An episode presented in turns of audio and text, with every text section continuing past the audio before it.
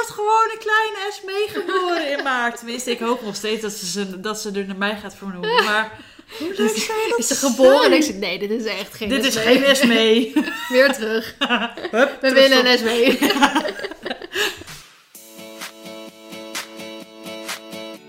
Goedemorgen jongens en meisjes. Welkom bij de allerlaatste aflevering van seizoen 1 Yay. van de podcast Hinneke. Hinneke de podcast. Hinneke, sorry, edit. Hinneke de podcast. Het is een goeiemorgen, ik dacht wat het is zeg. Ja, nou het is Hoe nu laat is 7 uur s'avonds, maar de eerste, onze diehard fans, die Dat luisteren dit altijd 's ochtends. Dat is zeker waar.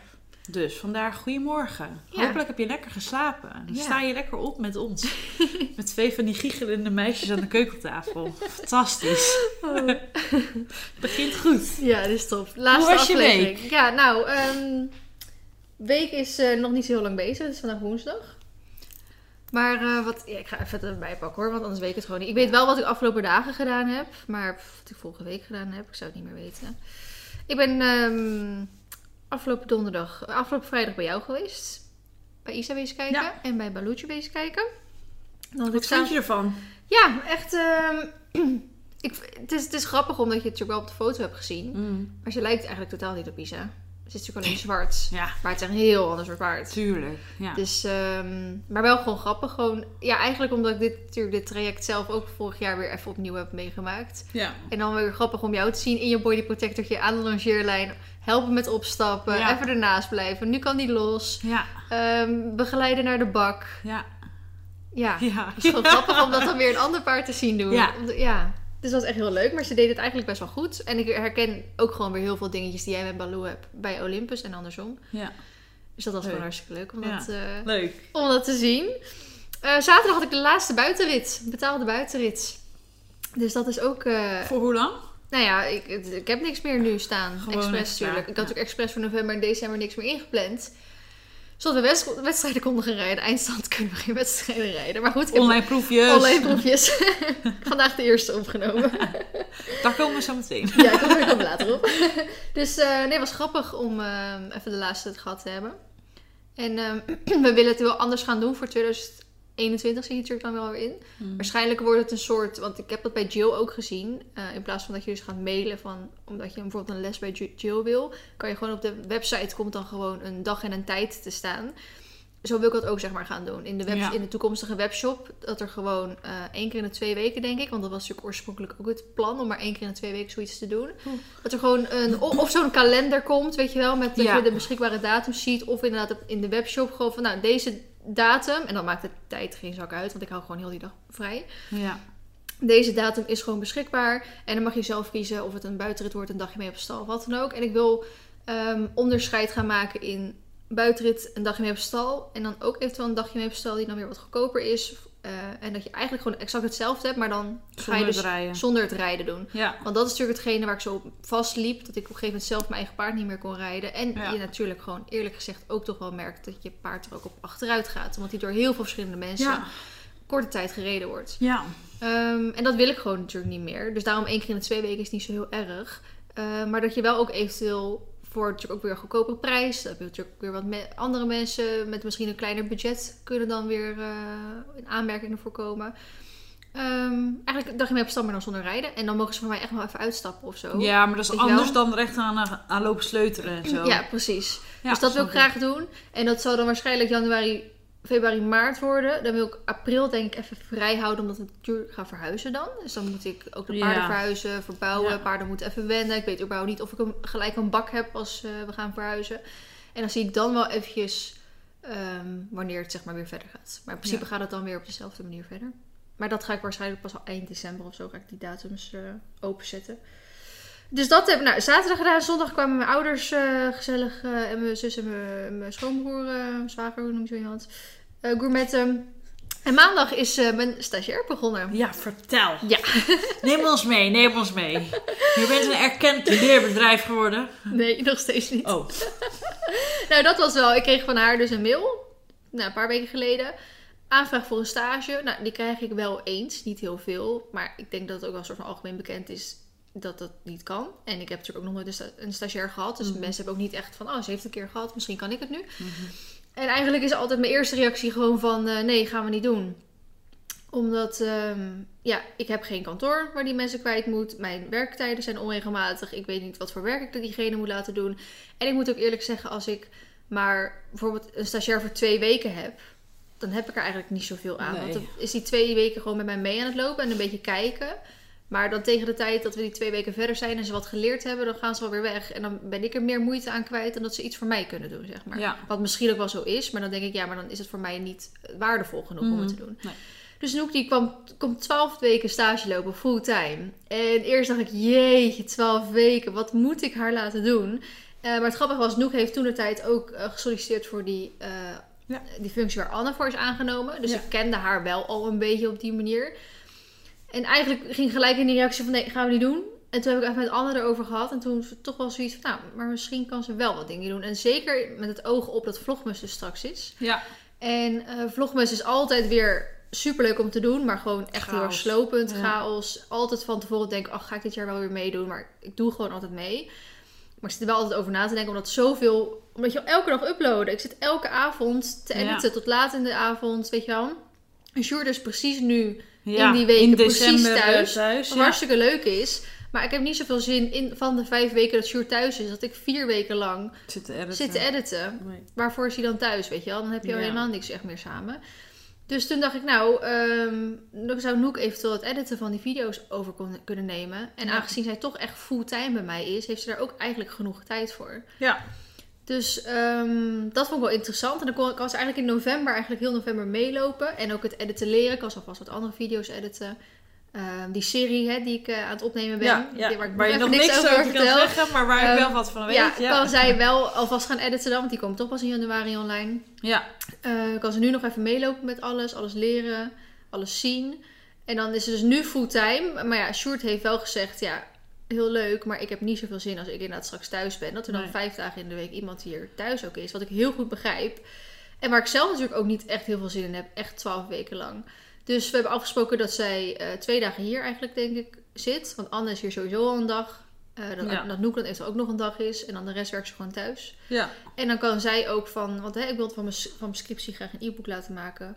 Dat ga ik zo eigenlijk eerst zelf doen. En toen Ja. dacht ik, nou, misschien kan Anne dat gaan doen. En Noek zei eigenlijk, nou, dat kan ik ook doen. Dus ik dacht, nou, top eigenlijk. En zo heb ik nog, nog wel wat meer van die projectjes. Ik denk, nou, dat is wel iets voor de toekomst. Niet nu, Ja. maar ik kan ze wel eventueel alvast aan beginnen. Ja, super maken. En inderdaad gewoon iemand die lekker meeloopt en meekijkt. En, eh, en ik ben denk ik de meest chille stagebegeleider die er bestaat. Want net zoals eh, maandagavond zat ik tot drie uur s'nachts mijn, mijn weekvlog te editen. Dus ik ging, het is het de half drie, dus ik ging om drie uur pas slapen. En zij begint eigenlijk om tien uur. Nou, tien uur beginnen is sowieso natuurlijk al fantastisch. Ehm, maar ja, ik hoef niet heel veel eerder te beginnen. Ik hou er wel van wat een beetje uitslapen. Maar ik was tot drie uur aan het editen. Ik dacht, ik heb geen zin dat hier om tien uur s ochtends iemand voor de deur staat hoor. Dus ik had altijd tegen haar gezegd, nou, eh, doe maar elf uur morgen. Want eh, Ja. dus eh, dat is best wel relaxed. En natuurlijk deze week zijn er wat drukker. Maar weet je, als zij een keer eh, een week vrij wil... of eh, ik heb even niks voor haar, joh, dan heeft ze lekker vrij. En dat vind ik allemaal prima, weet je wel. Mhm. Dus ik denk dat ik ook wel een hele chille stil- stagebegeleider in dat opzicht kan zijn. Ja. Maar wel heel leuk. Dus die is er vandaag en gisteren geweest. En eergisteren. En de komende tijd nog heel veel. Alleen toen stond maandagochtend... lag ik nog in bed dus. Want we, we beginnen hier pas om tien uur. Minimaal, Dus oh, 9 ja. uur zou de wekker gaan. Dus om kwart voor negen word ik uit mijn bed gebeld. Met, eh, gewoon aangebeld. En ik dacht, wie is dat? Wie staat er zo vroeg? Pakketje? Geen idee, ik verwachtte niks. En ik wist wel dat vandaag mijn boek klaar zou... Of het is op dat op maandag mijn boek klaar zou zijn. Maar ik dacht dat die klaar bij de drukker zou liggen. En dat ik dan nog kon aangeven waar het naartoe moest. Hè, een deel naar mij, een deel naar Gradi en een deel naar Applejack. Dat het gewoon meteen vanuit de drukker naar de juiste mensen, de juiste hoeveelheden werd gestuurd. Eh, dat was alleen niet zo. Dus maandag om kwart voor negen stond hier een vrachtwagen met drie pallets met eh, weet ik veel hoeveel dozen. Met 2000 boeken erin. Stond voor mijn deur. Dus toen zei ik ook Ik echt vind zo... het ook echt weer zoiets voor jou. Dit, dit kan niemand anders over, ver- over- overkomen behalve Het ging ook de zo, Jonge. nou, want die zegt het ging zo goed, want er gingen heel veel dingen fout met het maken van het boek. Maar ehm, dit, dit was dan nog even de kerst op de taart, weet je wel, van Oh, laatste. heerlijk. Dus ik zo nog zo tegen die man, ik zo in mijn pyjama naar beneden. Hij- ik zeg, ja, u belt mij uit mijn bed. Hij zegt, zo, oh lekker dat je nu nog in je bed lag. Ja. Hij zegt, ik ben al een tijdje bezig. Ik zeg, ja, wij beginnen pas op tien uur. dus ik zeg zo, eh, hoe vervelend is het, is het als ik aan u vraag of u alles gewoon weer mee terug wil nemen? en, ik zo, en ik later laat weten waar het precies heen moet. Hij zegt zo, ja, daar zou ik niet zo blij mee zijn. Nee. Ik zo, nee, dat dacht ik al. Dus ik zeg, nou ja, ehm, ze moeten naar mijn berging toe. Maar die heb ik altijd natuurlijk nog niet opgeruimd. Want Nee. ik dacht, dan weet ik, maandag geef ik door waar hoeveel er naar Agradi moeten. Hoeveel naar Applejack en hoeveel naar mij. Ehm, en dan heb ik dus maandag de tijd om mijn berging lekker op te ruimen. Dus ik zeg, nou ja, eh, zet ze maar eh, achter neer. Want eh, ik, mijn berging is nog niet opgeruimd. En eh, we probeerden ze eerst dan nog echt wel in het berginggedeelte zeg maar, te zetten. Maar er zit best wel een hoge drempel. En hij komt met zo'n pompwagen. Ja, daar Dus gaat daar het. gaan, die kregen die maar niet overheen. Nee. Dus we moesten echt buiten gewoon staan. Dus die dingen hebben een paar uur buiten gestaan. En nu wonen wij gewoon in een, gewoon een chille buurt, weet je wel. Ja, je kan in de buurt kun je al- prima laten je staan. kan hier alles laten staan. En buiten dat is het helemaal ingepakt. Dus je moet ook nog echt wel een beetje moeite doen. Wil je daar iets uitkrijgen. En er staat gewoon best wel groot op boek Vliene de Jonge of zo. Mm. Dus het is ook niet dat mensen echt denken, oh, er zitten hele waardevolle dingen in. Eh, dus dat heb ik even daar laten staan. En toen Noek op een gegeven moment aangekomen was, toen eh, zijn wij even mijn berging op gaan ruimen. Alle die 2000 boeken zitten sjouwen naar de berging. Want eerst moet je alles eraf halen, hè? want die dozen zijn echt zwaar. Ik denk dat zo'n doos, een klein doosje, je ziet die Ja. daar achter je staan. Klein doosje, Ja, 17 maar boeken dus in. Ik wou zeggen, die boeken wegen wel wat. 20 kilo zo, rustig. Ja. Even, ik, ik, ik vergelijk het een beetje met een zakvoer, weet je wel. Ja. Dus twee, dozen, twee van die dozen op elkaar, dat gaat qua formaat. Ja, maar maar, dat qua tillen is Pijn het al hef- dat is ja, heftig gewoon hoor. Maar ja, je het moet op een pallet. Dus je moet eerst alles eraf halen. Om vervolgens die pallet in de berging te zetten. En dan alles weer op die pallet zetten. Nou, gelukkig was dat stukje van waar de dozen stonden naar mijn berging echt maar 10 meter. Dus hoef ik niet heel ver te slepen. Maar we zijn er wel even mee bezig geweest. En vervolgens kreeg ik van Agradi vrij snel door hoeveel dozen zij wilden hebben. Maar het is goedkoper om die dozen te brengen.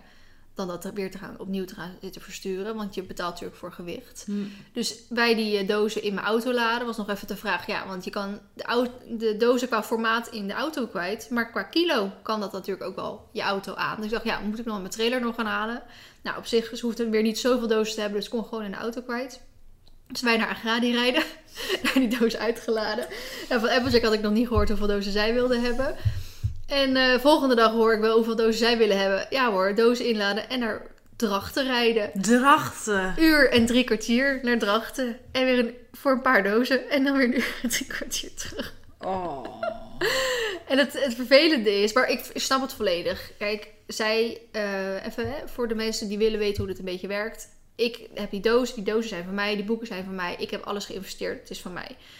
De leveranciers, dus ik ben eigenlijk leverancier dan. Ja, van jezelf. Van, ja. Ehm Applejack en Agradi gaan, gaan de boeken verkopen, maar zij moeten die boeken inkopen bij mij. En Ja. eigenlijk als zodra zij dat hebben ingekocht, Zijn ze van hun? zijn ze van hun. En dan moeten zij ervan afkomen. Dus ze willen natuurlijk niet in één keer duizend boeken bij mij bestellen. Want je weet natuurlijk nog niet zo goed Nee. wat de vraag gaat zijn. En dat, dat zeggen, vragen ze aan mij. Ja, wat denk je wat je gaat verkopen? Ik, zeg, ik heb echt geen idee. Nee. Heel veel mensen waarmee ik samen heb gewerkt voor het boek zeggen... joh, die 2000 stuks ben je echt zo kwijt. Ja, ik denk het ook hoor. Aan de andere kant denk ik, ja, ik vergelijk het misschien een beetje met merchandise. Daar heb je dan weer zoveel van. Ja, maar dit is anders. Dit boek is echt voor jong en oud. Ja, natuurlijk. En het is corona, iedereen zit meer thuis. En het, Ja. het boek is eigenlijk voor iedereen. Want een halster en een dekje moet je natuurlijk weer hebben. Daar moet je weer een eigen paard of pony voor hebben. En een Ja. boek is, kan echt iedereen natuurlijk kopen. Dat is, dus daarom verwacht ik ook wel dat het zeg maar gaat. Maar, ik kan het niet nooit. beloven. Nee. Dus zij kopen iets bij mij in. Ja. Als in nou, een beetje safe, op safe spelen. Dus best wel weinig inkopen. En dan inderdaad met het idee van nou, we kijken wel hoeveel er wordt verkocht. En dan Ja. bestellen we meteen weer bij. Ik denk, is leuk. Als Ja. jullie bijbestellen, mag ik weer op en neer gaan rijden. ja, maar dan moet je ook gewoon de prijs omhoog Ja, dus doen, ik toch? heb... eh, nee, de, ik, gewoon verzendkosten worden gereden. Zeg maar, Oh. verzendkosten worden dan gewoon mijn brandstofkosten. Om daar heen en weer te rijden. Dus ehm, dat is zeg maar... eh, ze zeggen ook wel van, nou, als we de eerste keer zien hoe, hoe snel het loopt... dan kopen we natuurlijk de tweede keer veel meer in. Mag ik natuurlijk aannemen. Hmm. Eh, nu is het ook wel zo dat... Ik heb natuurlijk 2000 boeken. Ja. Ehm, nou, Applejack en Agradi hebben allebei een x-aantal boeken ingekocht. En eh, het kan natuurlijk zijn dat als het in één keer heel storm loopt, dat het gewoon binnen een dag of binnen een paar dagen uitverkocht is. En dan, en, maar ik wil niet dat er uitverkocht komt te staan. Ik heb liever dat ze gewoon een soort van onbeperkt neerzetten. Ook al hebben ze natuurlijk wel beperkt op voorraad liggen. Mhm. Maar als zij zien dat het bijna de voorraad er doorheen is, dan rij ik wel even heen en weer. Weet je wel? Want ik heb natuurlijk ik heb heel veel tijd. Nou, het is niet heel chill om heel veel heen en weer te rijden, maar ik heb de tijd. Sjoerd zei ook van, nou, ik ben volgende week thuis. Ik vind het ook echt niet erg om even een keer heen en weer te rijden. Ehm, maar ik heb liever als iemand bijvoorbeeld het boek op zijn lijstje zet voor Sinterklaas of zo. Want al die lijstjes worden natuurlijk nu ingevuld. En eh, iemand ziet dat boek staan en die gaat naar die link en die ziet dat er uitverkocht staat. En diegene had nog allemaal andere dingen op zijn lijstje staan. Ja, dan worden die andere dingen op dat lijstje gekocht. Dus ik, terwijl die misschien op dat moment uitverkocht is, maar Ja, gewoon de Maar volgende bij dag jou weer, wel staat. Ja, of, precies. eh, ja. De volgende dag gewoon weer geleverd wordt. Ja. Ehm, dus ik wil in principe eigenlijk gewoon dat er niet een aantal op de website komt te staan van nou, na zoveel is het uitverkocht. Gewoon dat het door blijft lopen. Ja. En dat als ik op een gegeven moment bijna niks meer in mijn berging heb staan, of zie dat het wel snel gaat, dat ik gewoon gelijk een tweede druk bestel. Ja. Alleen zo'n tweede druk, dat duurt weer bijna een maand voordat je dat binnen hebt. Ehm, dus nou goed, dan dat je gewoon wel door kan blijven bestellen, maar dat je dan je levertijd wat langer wordt. Ja. Dat is wel zeg maar een beetje het, het idee. Idee. Dus daar ben ik eh afgelopen dagen erg druk mee bezig geweest. En toen moest in één keer natuurlijk ook eh, de fotoshoot voor het boek gehouden worden. We moeten natuurlijk promotiemateriaal hebben. Moesten we in één keer last midden doen. Nou, nu is Sanna zo fantastisch. Die is heel flexibel. Dus als ik haar app, Jokko even middag kan ze gelijk. En ehm, we gingen ook een video opnemen voor de lancering van het boek natuurlijk. Want we hebben geen officiële lancering. Die wilde ik oorspronkelijk met Horsevent doen. Ging niet door. Toen dacht ik nog, ehm, omdat Susanna van Wieringen, mijn eh zadelpasser voor Olympus... Die gaat een winkel openen met gespecialiseerd op Le Mieux en zo. Eh, toen dachten we eerst, zullen we samen anders een lancering doen? Lancering van jouw winkel en lancering van mijn boek hè, bij haar. Ja. Maar ja, dat gaat, buiten dat zij nog niet klaar is met haar winkel, eh, gaat het gewoon niet met corona. Denk jij, heel leuk zo'n boeklancering met meet and greets en handtekeningen, maar dat gaat gewoon nu niet. Nee. Is er niet op, dan moet je weer allemaal gekke dingen gaan doen. Daar heb ik allemaal geen zin in. Ik denk, ik wil gewoon meet and greet, gewoon lekker... Zoals normaal. Gewoon zoals normaal. Weet je, ik wil niet van nee, anderhalve meter foto of weet ik het wat. Eh, dan krijg je ook zo'n zo'n mega lange rij als iedereen anderhalve meter uit elkaar moet staan. Allemaal geen zin in. Dus dan maar op deze manier. Eh, Ja. En het ding is eigenlijk dat hij eigenlijk vandaag al online zou komen. Eh, maar er liepen even wat dingetjes nog half. Dus nu komt het dus goed is morgen online. Alleen ik heb dus bij Agrario gezien dat hij al online staat. Ja, dus de mensen jammer. die zelf al op zoek gaan, die eh, vinden hem al, kunnen hem al bestellen. Maar ik ga pas morgen promoten dat hij er online staat. Ja. Maar goed, dus dat is mijn, eh, mijn week weer geweest. Jeetje. Nou, weer bijna 20 minuten verder. Maar, Lullijke jij, hè? Godverdorie toch. maar dat is, eh nou ja, goed, de week een beetje. Voor de rest ja, staat eigenlijk nog niet zoveel op de planning. Maar ja, eh, vol op het boek verkopen. Ja, En eh, ja, hopen dat dat loopt. ja, dus alsjeblieft koop het boek. Echt leuk. Nou ik ja, heb weet je hem wat- hier liggen, ik vind hem echt leuk. Weet je wat het geval is? Buiten dat, ik, dat het gewoon echt, echt heel leuk is. Mhm. En het echt waard is. Dat ik echt heel tevreden over ben. Zit er gewoon eerlijk gezegd echt, echt een dijk van investeringen achter. Ja, Ik heb zes keer in het rood gestaan. ehm, om die, ik heb nog niet eens alle facturen betaald. Nog steeds Nee. niet. Er zit zo'n grote investering achter. Dat kan je gewoon... Ja, ik kan het wel... Nou, een soort, het is meer dan 25.000 euro. ja, Deze investering om dit boek te doen. ja. En als dat, en weet je, als zeg maar al die 2000 boeken nu verkopen, Mhm. hou ik er iets aan over. Ja. Maar lang niet in vergelijking. Nee, met, Met wat hoe- je zou willen. Nou, wat je in, qua tijd erin hebt gestopt. Nee, dat ook. Als je gewoon denkt dat je drie maanden, vier maanden ermee bezig bent geweest, dan is het geld wat je er eigenlijk Ja. dan aan overhoudt niet zo heel veel. Dus ik wil Nee. gewoon heel graag een tweede druk. Ja, Want eigenlijk die tweede druk is dan pas echt dat ik er wat aan kan gaan verdienen. ja.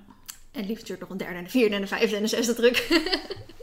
dat zou wel leuk zijn. Maar ja, weet je, dat mogen ze van mij best weten dat er gewoon echt een dijk van investering achter zit. En voor Ja. mij is het, is het eh, dik 25.000 euro. En voor iemand anders is het, nou, het boek is 1995. Maar 1995 om het even zo te zeggen. Maar mij help je er heel hard mee. ja. Help Feline de winter ja, door. help Verlinde de winter door. Koop mijn boek. dus eh, dat. Ja, wat vond jij van het boek? Nou, ik heb hem eh, hier voor me liggen. Ik pak hem... Oh, ik pak hem er even bij. Ik vind hem echt... Ik, ik heb er doorheen gebladerd. En ik heb natuurlijk al in de voorbereidingen dat je ermee bezig was en zo. Ik wist natuurlijk als een van de eerste dat je dit van plan was. En we Mhm. hebben het er natuurlijk al uren over gehad. En Mhm. wat je er ook in ging stoppen. En eh, foto's. En, en eigenlijk had ik al best wel veel gezien. Hmm. Maar nu die dan zo hier voor me ja, ik echt... Oh, ik ben gewoon ook heel trots op jou. Dat je dit gewoon helemaal zo zelf in elkaar Ja. heb gezet. Elke en al die die teksten erbij. is, en die elke foto die... foto's die gewoon overal passend bij zijn. Ja, ik vind dat wel. eh, dat, dat, dat vergt wel. Ja. ehm, hoe zou ik dat omschrijven? ik, ik vind dat heel bijzonder. Dat je zo'n doorzettingsvermogen hebt om dan zo'n boek eh, ja, af te maken en op tijd klaar te hebben. En je dead, eh, deadlines na te komen, weet je. En er staan hier en daar wel, waar we het over hadden, een paar kleine foutjes in. Maar ja, so be it. Ja. Nou ja, het is, ik, weet je wat gewoon heel erg is? is ehm, ik ging natuurlijk met Anne aan het boek werken. En Floor, haar bedrijf, heeft de vormgeving, et cetera, gedaan. En Floor heeft gewoon een harde deadline gezet. Als jij wil dat het voor de feestdagen klaar is, moet je het voor deze tijd allemaal aangeleverd hebben. Ja. En dan heb je natuurlijk echt een soort deadline waar je gewoon echt voor moet gaan. Want als je dit gaat doen, dan wil je ook echt dat die voor de feestdagen klaar ja, is. tuurlijk. Anders is het gewoon echt heel erg zonde. Ja, want je hebt al inderdaad, waar we het geen hadden, over hadden, geen horse event en geen, Nee, eh, wat Geen nou evenementen waar je hem Eh, allemaal kan niks. kopen. En Nee. eigenlijk het mooiste zou natuurlijk zijn als die nog eigenlijk soort van dit voorjaar geweest zou zijn. In de Ja. tijd dat we in quarantaine ingingen. Maar ja, goed, toen kwam we eigenlijk pas met het idee. En dan gaan natuurlijk maanden overheen om het te maken en te drukken, et cetera. Mhm. Dus ik ben hartstikke blij dat hij op tijd voor de feestdagen is. Dat was natuurlijk echt het doel. Dus dat is gewoon Ja. echt een stok achter de deur om het echt nu te gaan doen. Ja, ik vind het knap van je, want jij hebt altijd duizend en ideeën. En het is altijd, nou niet de vraag, want je, jij kan dan alles al helemaal doordacht in je hoofd hebben. Mhm. Maar jouw hoofd is, jouw brein zeg maar, die werkt al door. En jij hebt dat zo in je hoofd. Maar om het dan nog allemaal werkbaar en haalbaar te maken is bij jou altijd wel... Ja, dat, dat is wel altijd een dingetje. Want soms Mhm. kom je natuurlijk met dingen waarvan we zeggen... Nou, vee, hè, even rustig aan. Ja. Tranquilo. maar dit Alles was... tijd. Ja, weet je, het kan niet allemaal tegelijk. En dan Mhm. heb je echt een rem nodig. Maar dat, dat die nu gewoon zo voor me ligt. En ja, ik kan het nu ook wel zeggen. Isa komt er ook in voor. Hè? Mijn prinses komt in het boek voor. Ja, daar ben ik natuurlijk trots. Ja, het was toen een beetje een verrassing, maar je hebt het toen vrij snel geraden. Ik wist het meteen. Ik weet niet hoe, hoezo, maar ik wist het gewoon meteen. Het ding was dat er eh, in het boek dus gewoon echt een bordspel zit. Je kan Ja. dus gewoon echt een bordspel spelen in het boek. Echt mega vet. Maar ja, we moesten daar natuurlijk een soort pionnetjes, lopers voor hebben. En Ja. hoe leuk was het? Want ja, we- het bordspel is dat je een eventingwedstrijd gaat rijden. Ja, het Dus je- grote eventingspel. Ja, dus je moet een, een paard hebben om die wedstrijd te kunnen rijden. Ja. Maar ik heb dan Marley, Olympus en Arena. En ik kwam dus eigenlijk een vierde tekort. En toen dacht ik eerst misschien aan Axe of aan Magic.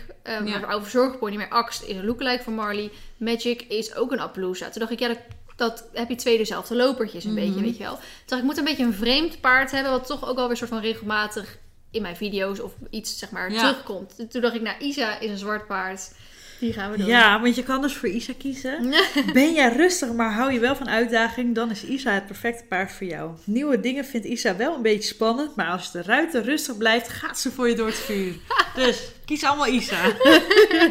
ja, dat vind je En, echt eh, drie, eh, mooi. Drie spellingsfouten verder. Maakt niet uit, maakt niet uit. Hoort Maar ook, ja, hoort ook nee, een beetje bij Isa. Ik vind dat echt heel, heel erg leuk. Ja, echt heel blij mee. Ja, snap ik. Dus eh, ja, nee, ik kan er uren naar laten blijven kijken. Ik ga hem ook weer wegleggen. Ja, want anders zit ik weer helemaal in dat boek Het ding was ook vooral dat ik eigenlijk op elke pagina trots ben. El- Ja, maar achter alles- elke pagina zit ook een soort verhaal. Ja. En dan wilde ik zo in die video... Wil ik natuurlijk een paar pagina's bespreken. Want iemand uh, moet wel een beetje weten waar het boek over gaat. Als hij hem Ja. koopt natuurlijk. Maar ik wilde, het was gewoon moeilijk om te gaan kiezen welke pagina's ik ga Ja, bespreken. Want ik vond elke pagina denk ik... Ja, maar dit is leuk om te vertellen. Dit Ja. was een leuk verhaal. Dat erachter. Ja. Dit, zo werkt dat weer en zo. Ja. Toen dacht ik, nee Feline, dan ga je echt elke pagina bespreken. Dan hoeven Ja. mensen allemaal het boek niet meer te kopen. Nee, dan is het ook snel klaar inderdaad. Nee, ik vind het echt... eh, Ja, nee, ik ben super trots op je. Ja, dus nu nog het verkoopgedeelte. Ja, nou, Maar het is in principe een boek wat voor altijd verkocht kan worden. Het is tijdloos, worden geen datums ingenoemd. Eh, ik wijs niet eens naar mezelf. Als je dit boek leest zonder dat je mij kent, dan kom je niet eens achter wie ik ben. Er wordt geen enkele keer naar YouTube of Instagram verwezen. Het is echt een op zichzelf staand boek. Ja, Ehm, dus weet je, we focussen ons natuurlijk nu op de feestdagen. Maar hij wordt daarna ook gewoon nog hopelijk jarenlang verkocht. ja, het zou leuk zijn. Dus dat zou heel leuk zijn. En ik hoop natuurlijk dat er ooit misschien, dat als het zo'n groot ook. succes is, dat er een deel 2 kan kopen. Ja. Maar eerst gaan we deze even helemaal uitmelken. Ja, dit, dit wordt... eh, ja, hier heb, eh, heb je je zin op gezet, Ja, om maar zo ja. te zeggen. Maar goed, dat was Leuk. alles eh, van mijn week. Leuk. Hoe was jouw week? Nou, mijn week, kijk, ik ben niet zo van de agenda, wist je dat? Ik heb, ik heb Je een, hebt zo'n papieren agenda, een toch? papieren agenda, Ja. maar ja, die hebben we natuurlijk niet altijd mee. Nee. Dus, ik was vorige week eten bij Eveline, een vriendinnetje van mij. En die had een app op haar telefoon en dat heet Family Wall. Ik weet niet of mensen het kennen. Ik ga het even openen. Het is niet gesponsord. Moet er maar even bij zeggen. En daar heb je dus een agenda op. Die je dan kan samenvoegen met je hele familie. Nou, Oh ja. Dus ik zei tegen jullie, dit wil ik. Want dan kan ik zien wat jij gepland hebt. Ja. Krijg ik gewoon rust van in mijn hoofd. Ja. Dan kan ik ook stiekem dingetjes... heb je volgens mij ook wel, eh, volgens mij in de agenda op eh, je telefoon niet, maar je hebt ook nog een Google agenda. En ja, daar nou, kan het maar dan dat weer snap wel allemaal niet. Want die Apple-agenda vind ik ook kut. Dit is gewoon... fantastisch. Dit is overzichtelijk. Ja, ga het je laten zien. Ja. Maar dan, eh, dus nu, ehm, omdat ik, eh, kijk, ik laat het dus even Vlinde nu zien. Omdat ik dus normaal gesproken dan een papieren agenda heb, is dit gewoon super overzichtelijk. Nu weet ik gewoon precies wat ik de hele week doe. Ja. En als Jury dus wat gepland heeft, dan weet ik dat. En als hij niks gepland heeft, dan kan ik stiekem leuke dingen plannen. dus dat vind ik gewoon heel fijn. Ehm, en je kan ehm, lijstjes maken met eh, bijvoorbeeld boodschappen.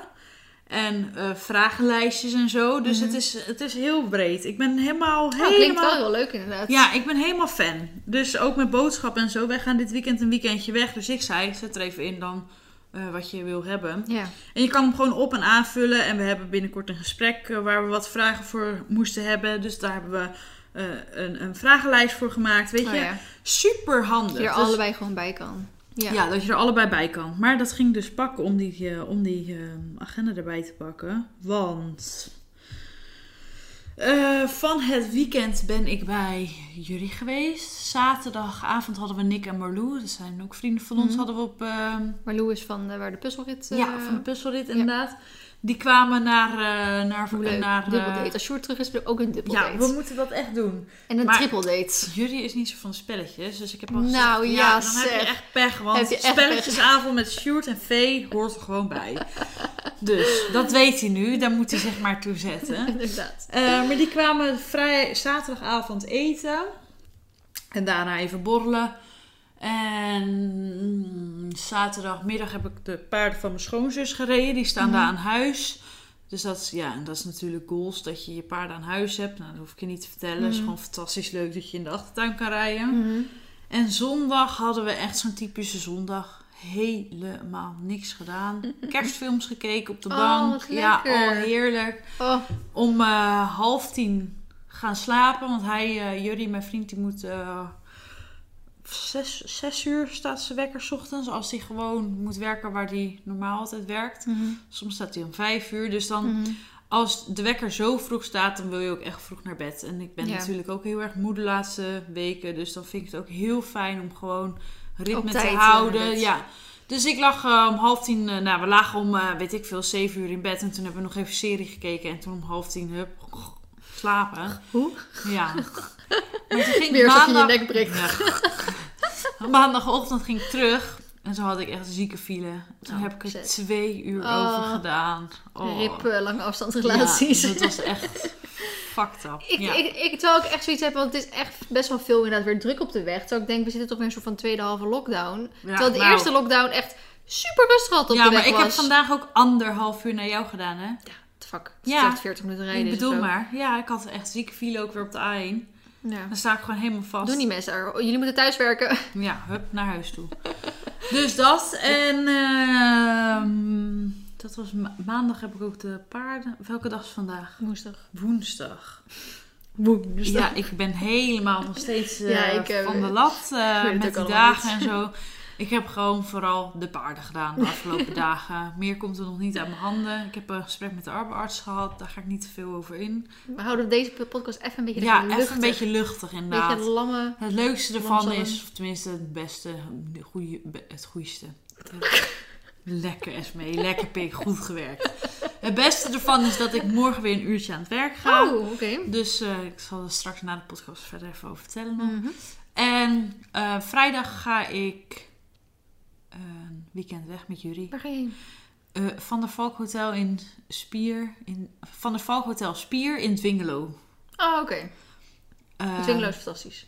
schijnt heel leuk te zijn Ja, inderdaad. daar kan je mooi eh, wandelen. En aangezien ja. je toch niks beters kan doen. En in een hotel kun je nog steeds uit eten. Dat klinkt misschien een beetje raar, maar dat, Oh. dat kan nog wel. lekker. Dus wij hebben zo'n lekker arrangement geboekt met eten, avondeten, ontbijt en dat soort dingen. Oh, en ik heb een, kamer geboekt met bad. Want ik hou Ja. echt... Ik ben echt een, een baddermens. Een baddermens. Ja, en we hebben thuis geen bad meer. En dat mis ik zo erg. Want dat had ik in het andere huis Mhm. wel. Dus nu ga ik het hele weekend in bad liggen. Snap ik. Oh, dat vind ik Wij, wij hebben toen, eh, nou, dat is ook alweer een tijdje geleden. Begin dit jaar hebben Short en ik toen die, eh, die, die, eh, Die, die, eh, top eh, suite genomen bij Van der Valk. Ook omdat we eigenlijk toen met Oud en Nieuw samen weg wilden. Ja. Maar daar kwamen we echt op 29 december of zo mee. Dus was er Mhm. helemaal niks meer, echt nergens meer in het land een kamer, vrije kamer te vinden. Nee, Zo toen zijn we- jullie naar ons geweest. Zeiden er, oh, dat Ja. was inderdaad. Ik zat nog te twijfelen, wat hebben we afgelopen Oud en Nieuw gedaan? Ja, toen waren jullie bij ons. Ja. Met het Febo-spel. het was 30 seconds. Maar... Het omgedoopt tot het Febo-spel. ja, leuk. Maar eh, gaan we verder niet zien. Maar ehm, toen zijn we dus later daarheen gegaan. Daar echt die, eh, die eh, ja, penthouse suite. Oei. Hoogste suite Ja. met ehm, bubbelbad, met infrarood, eh, met sauna. Oh, en met eh, zo'n grote inloop, regendouche, alles. Alleen wat dus het kutte was, dat die dag, dus, want ik, het was, wij moesten, ehm, nou de ene dag zeg maar dat we aankwamen, moest ik, had ik een afspraak in Apeldoorn bij Nova Skin voor mijn huid. Ja. En dan de volgende dag moest ik in Zwolle zijn ehm, voor, om over mijn collectie te praten. Oh, ja. Dus daarom dacht ik, top, noemen we Apeldoorn. Ja. Dan ben- zijn we daar toch al en dan de volgende dag rijden we wat makkelijker naar Naar Zwolle toe. Ja. Volgens mij hadden we ook nog een bezichtiging, maar dat weet ik niet helemaal zeker. Ehm, dus ik had een ehm microneedling of een peeling gehad. Een van de twee. Maar dan mag je dus niet in, te, in een sauna, niet te heet douchen. En daar had ik even niet slim genoeg over Ah, dat nagedacht. is kut. De short was Nou ook ja, echt... dat is heel vervelend, Ja. sorry. Nee, Short was ook echt oprecht wel, nou, niet echt boos of zo, maar dat hij echt wel zoiets had. Ja, Vee, we hebben fucking veel geld voor deze suite betaald. is echt duur hoor, een weekendje weg. En nou, we hadden dan één nachtje maar. Ja, maar maar alsnog. een weekendje weg is, is, is helemaal duur inderdaad. Ja. Hebben echt, echt veel geld voor zo'n ding betaald. En dan Ja. eindstad kon ik eigenlijk... Ik ging er wel gewoon maar in uiteindelijk natuurlijk. Maar Ja. ik kon er ook weer niet zo optimaal van genieten. Dat je Nee, nee, toch een beetje een soort van schuldgevoel. En niet te lang overal. En dit en dat. nee. En de volgende dag moest dus inderdaad om tien uur al in Zwolle zijn. Terwijl je eigenlijk volgens mij tot twaalf uur of zo hebt. Ja, dan wil je daar ook gewoon inderdaad... wil je 's ochtends eh, eigenlijk ook nog even ja. lekker in de jacuzzi. Dat Ja, maar dat heb ik nu inderdaad woen of eh, vrijdag. Jullie moeten gewoon werken. En ik heb 's middags nog afspraken staan die ik niet kan verzetten. En waar ik echt naartoe moet. Hmm.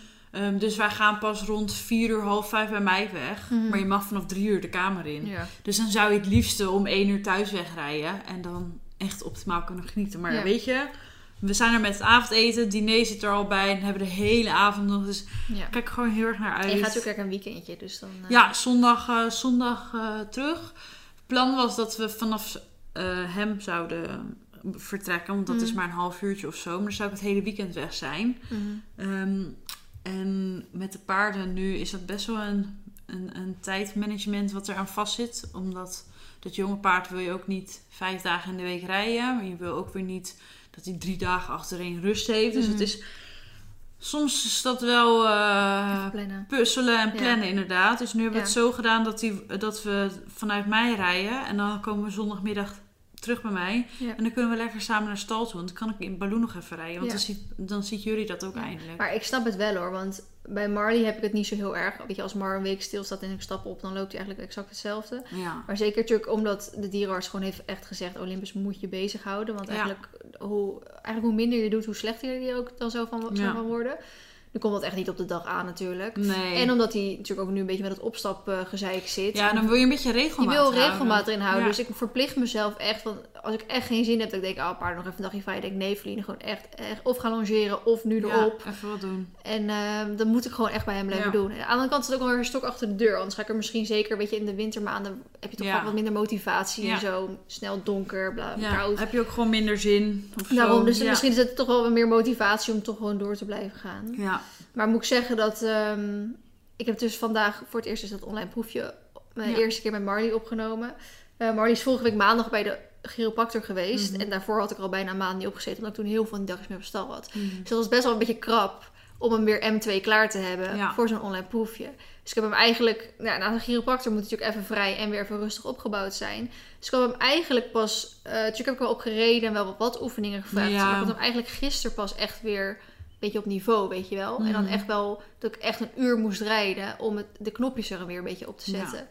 Maar ik wilde ook weer niet tot de allerlaatste dag, dus morgen moet hij officieel ingeleverd worden, gaan wachten. Want stel er zit iets tegen of zo, dan is het weer niet handig. Dus vandaag dat online proefje opgenomen. Nou, ook een hele ervaring natuurlijk. Je moet twee mensen regelen. De ene die filmt, de ander die voorleest. Nou, gelukkig heb ik dus nu Anouk, of uh, Noek. En sorry, Anouk, als je dit, dit hoort. Ik vind het niet leuk als je haar Anouk noemt, want ze, noemt, ze heet Anouk. Uh, gelukkig had ik natuurlijk Noek en Anne hier. Ja. Dus um, Noek die kon filmen, en, maar ze hadden allebei nog nooit in hun leven een proefje voor gelezen. Nou, Zo, even... dan is M2 echt kut. Ik heb het toen ook gedaan. Oh, dat doe ik wel even, ja, zei je. Proefje voorbij. Hoe ging het, Vee? Ik heb niks gezien. Ja, precies. Dus, uh, uh, dus Anne heeft hem even een beetje geoefend. Maar omdat ik hem dus gisteren zo geoefend heb. Ik heb hem gisteren dus in delen opgesplitst.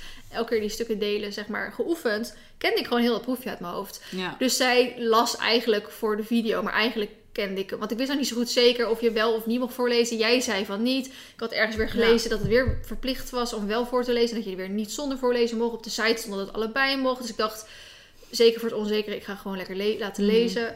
Uh, maar eigenlijk reken uit mijn hoofd. Mhm. Uh, wat eigenlijk echt wel heel relaxed is. Want dan kan ik echt gewoon focussen Dan op zit mijn je paard. echt volle focus ik was in echt dat proefje. volle focus in het proefje. Want het was, het was echt heel lekker eigenlijk. Ehm, gisteren liep hij dus fantastisch. Maar gisteren heb ik... Ja, omdat ik zeg maar die, die oefeningen die dan wel er al op zitten... maar dus Ja. echt verwaterd zijn... wil ik er dan weer opzetten. En die, dan wordt hij daar een beetje narrig ook echt wel een Ja. beetje van. Dan gaat hij een beetje, ja. beetje, knarsen ook op zijn bit en zo. Dus moet ook echt wel goede rustmomenten dan tussen de training. Dat het er niet te veel wordt, weet je wel. Ja. Terwijl ik niet zulke heftige dingen vroeg. Het wa- het was ook niet alsof ik galopapparementen vroeg. Het was ehm, gewoon echt een keertwending in stap, weet je wel. Dus dat is wel een rustige, Ja. op- rustige oefening. Die kan je prima twintig keer achter elkaar doen. Mhm. Ehm, maar aan het einde werd hij daar wel echt lekker fel van. Weet je wel, dat ik hem echt lekker naar voren kon rijden. Dat ik er volledig met mijn been vanaf kon blijven. Dat, hij echt, dat ik echt alleen maar hoefde te zitten. Ja.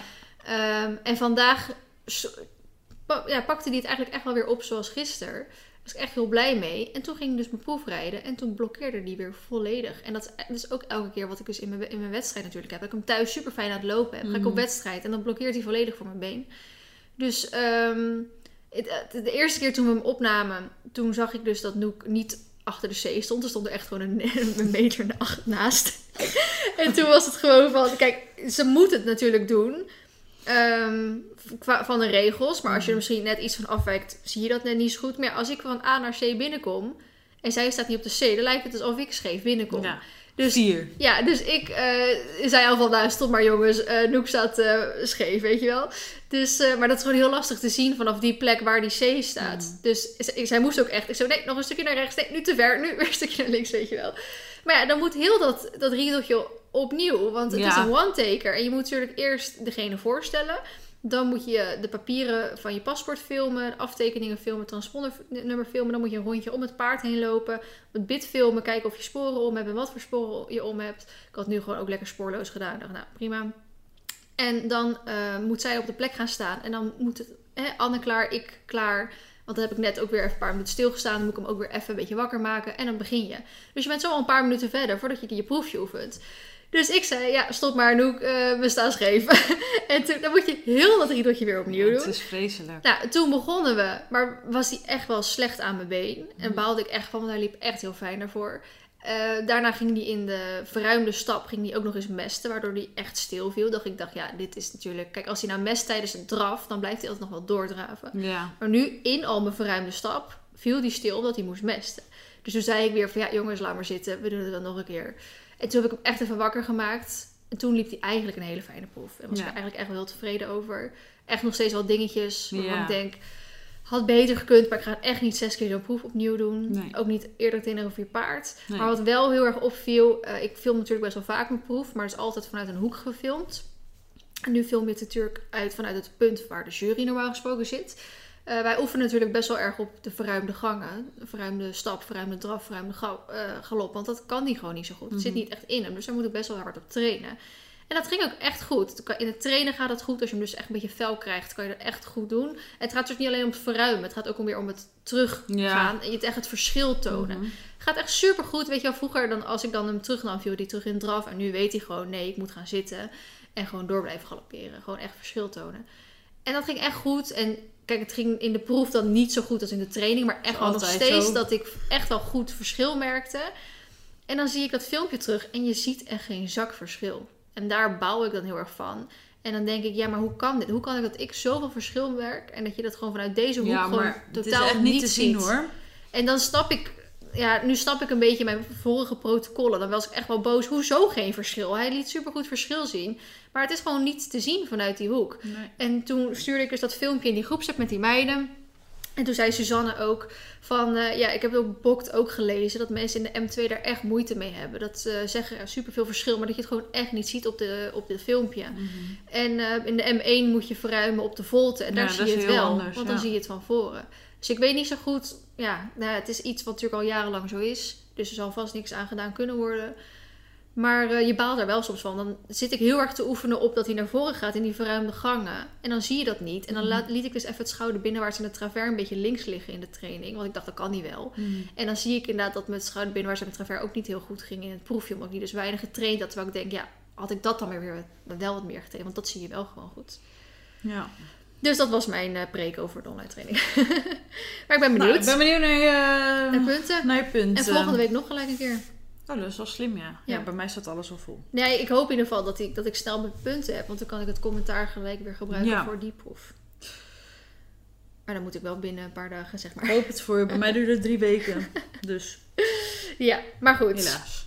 Ik heb wat vragen van ehm, mijn Instagram gehaald. Ja. Esmee heeft alles voorbereid deze keer. Ik heb niks gedaan. Nee, jij hebt echt geen idee. Nee, Oké, leuk.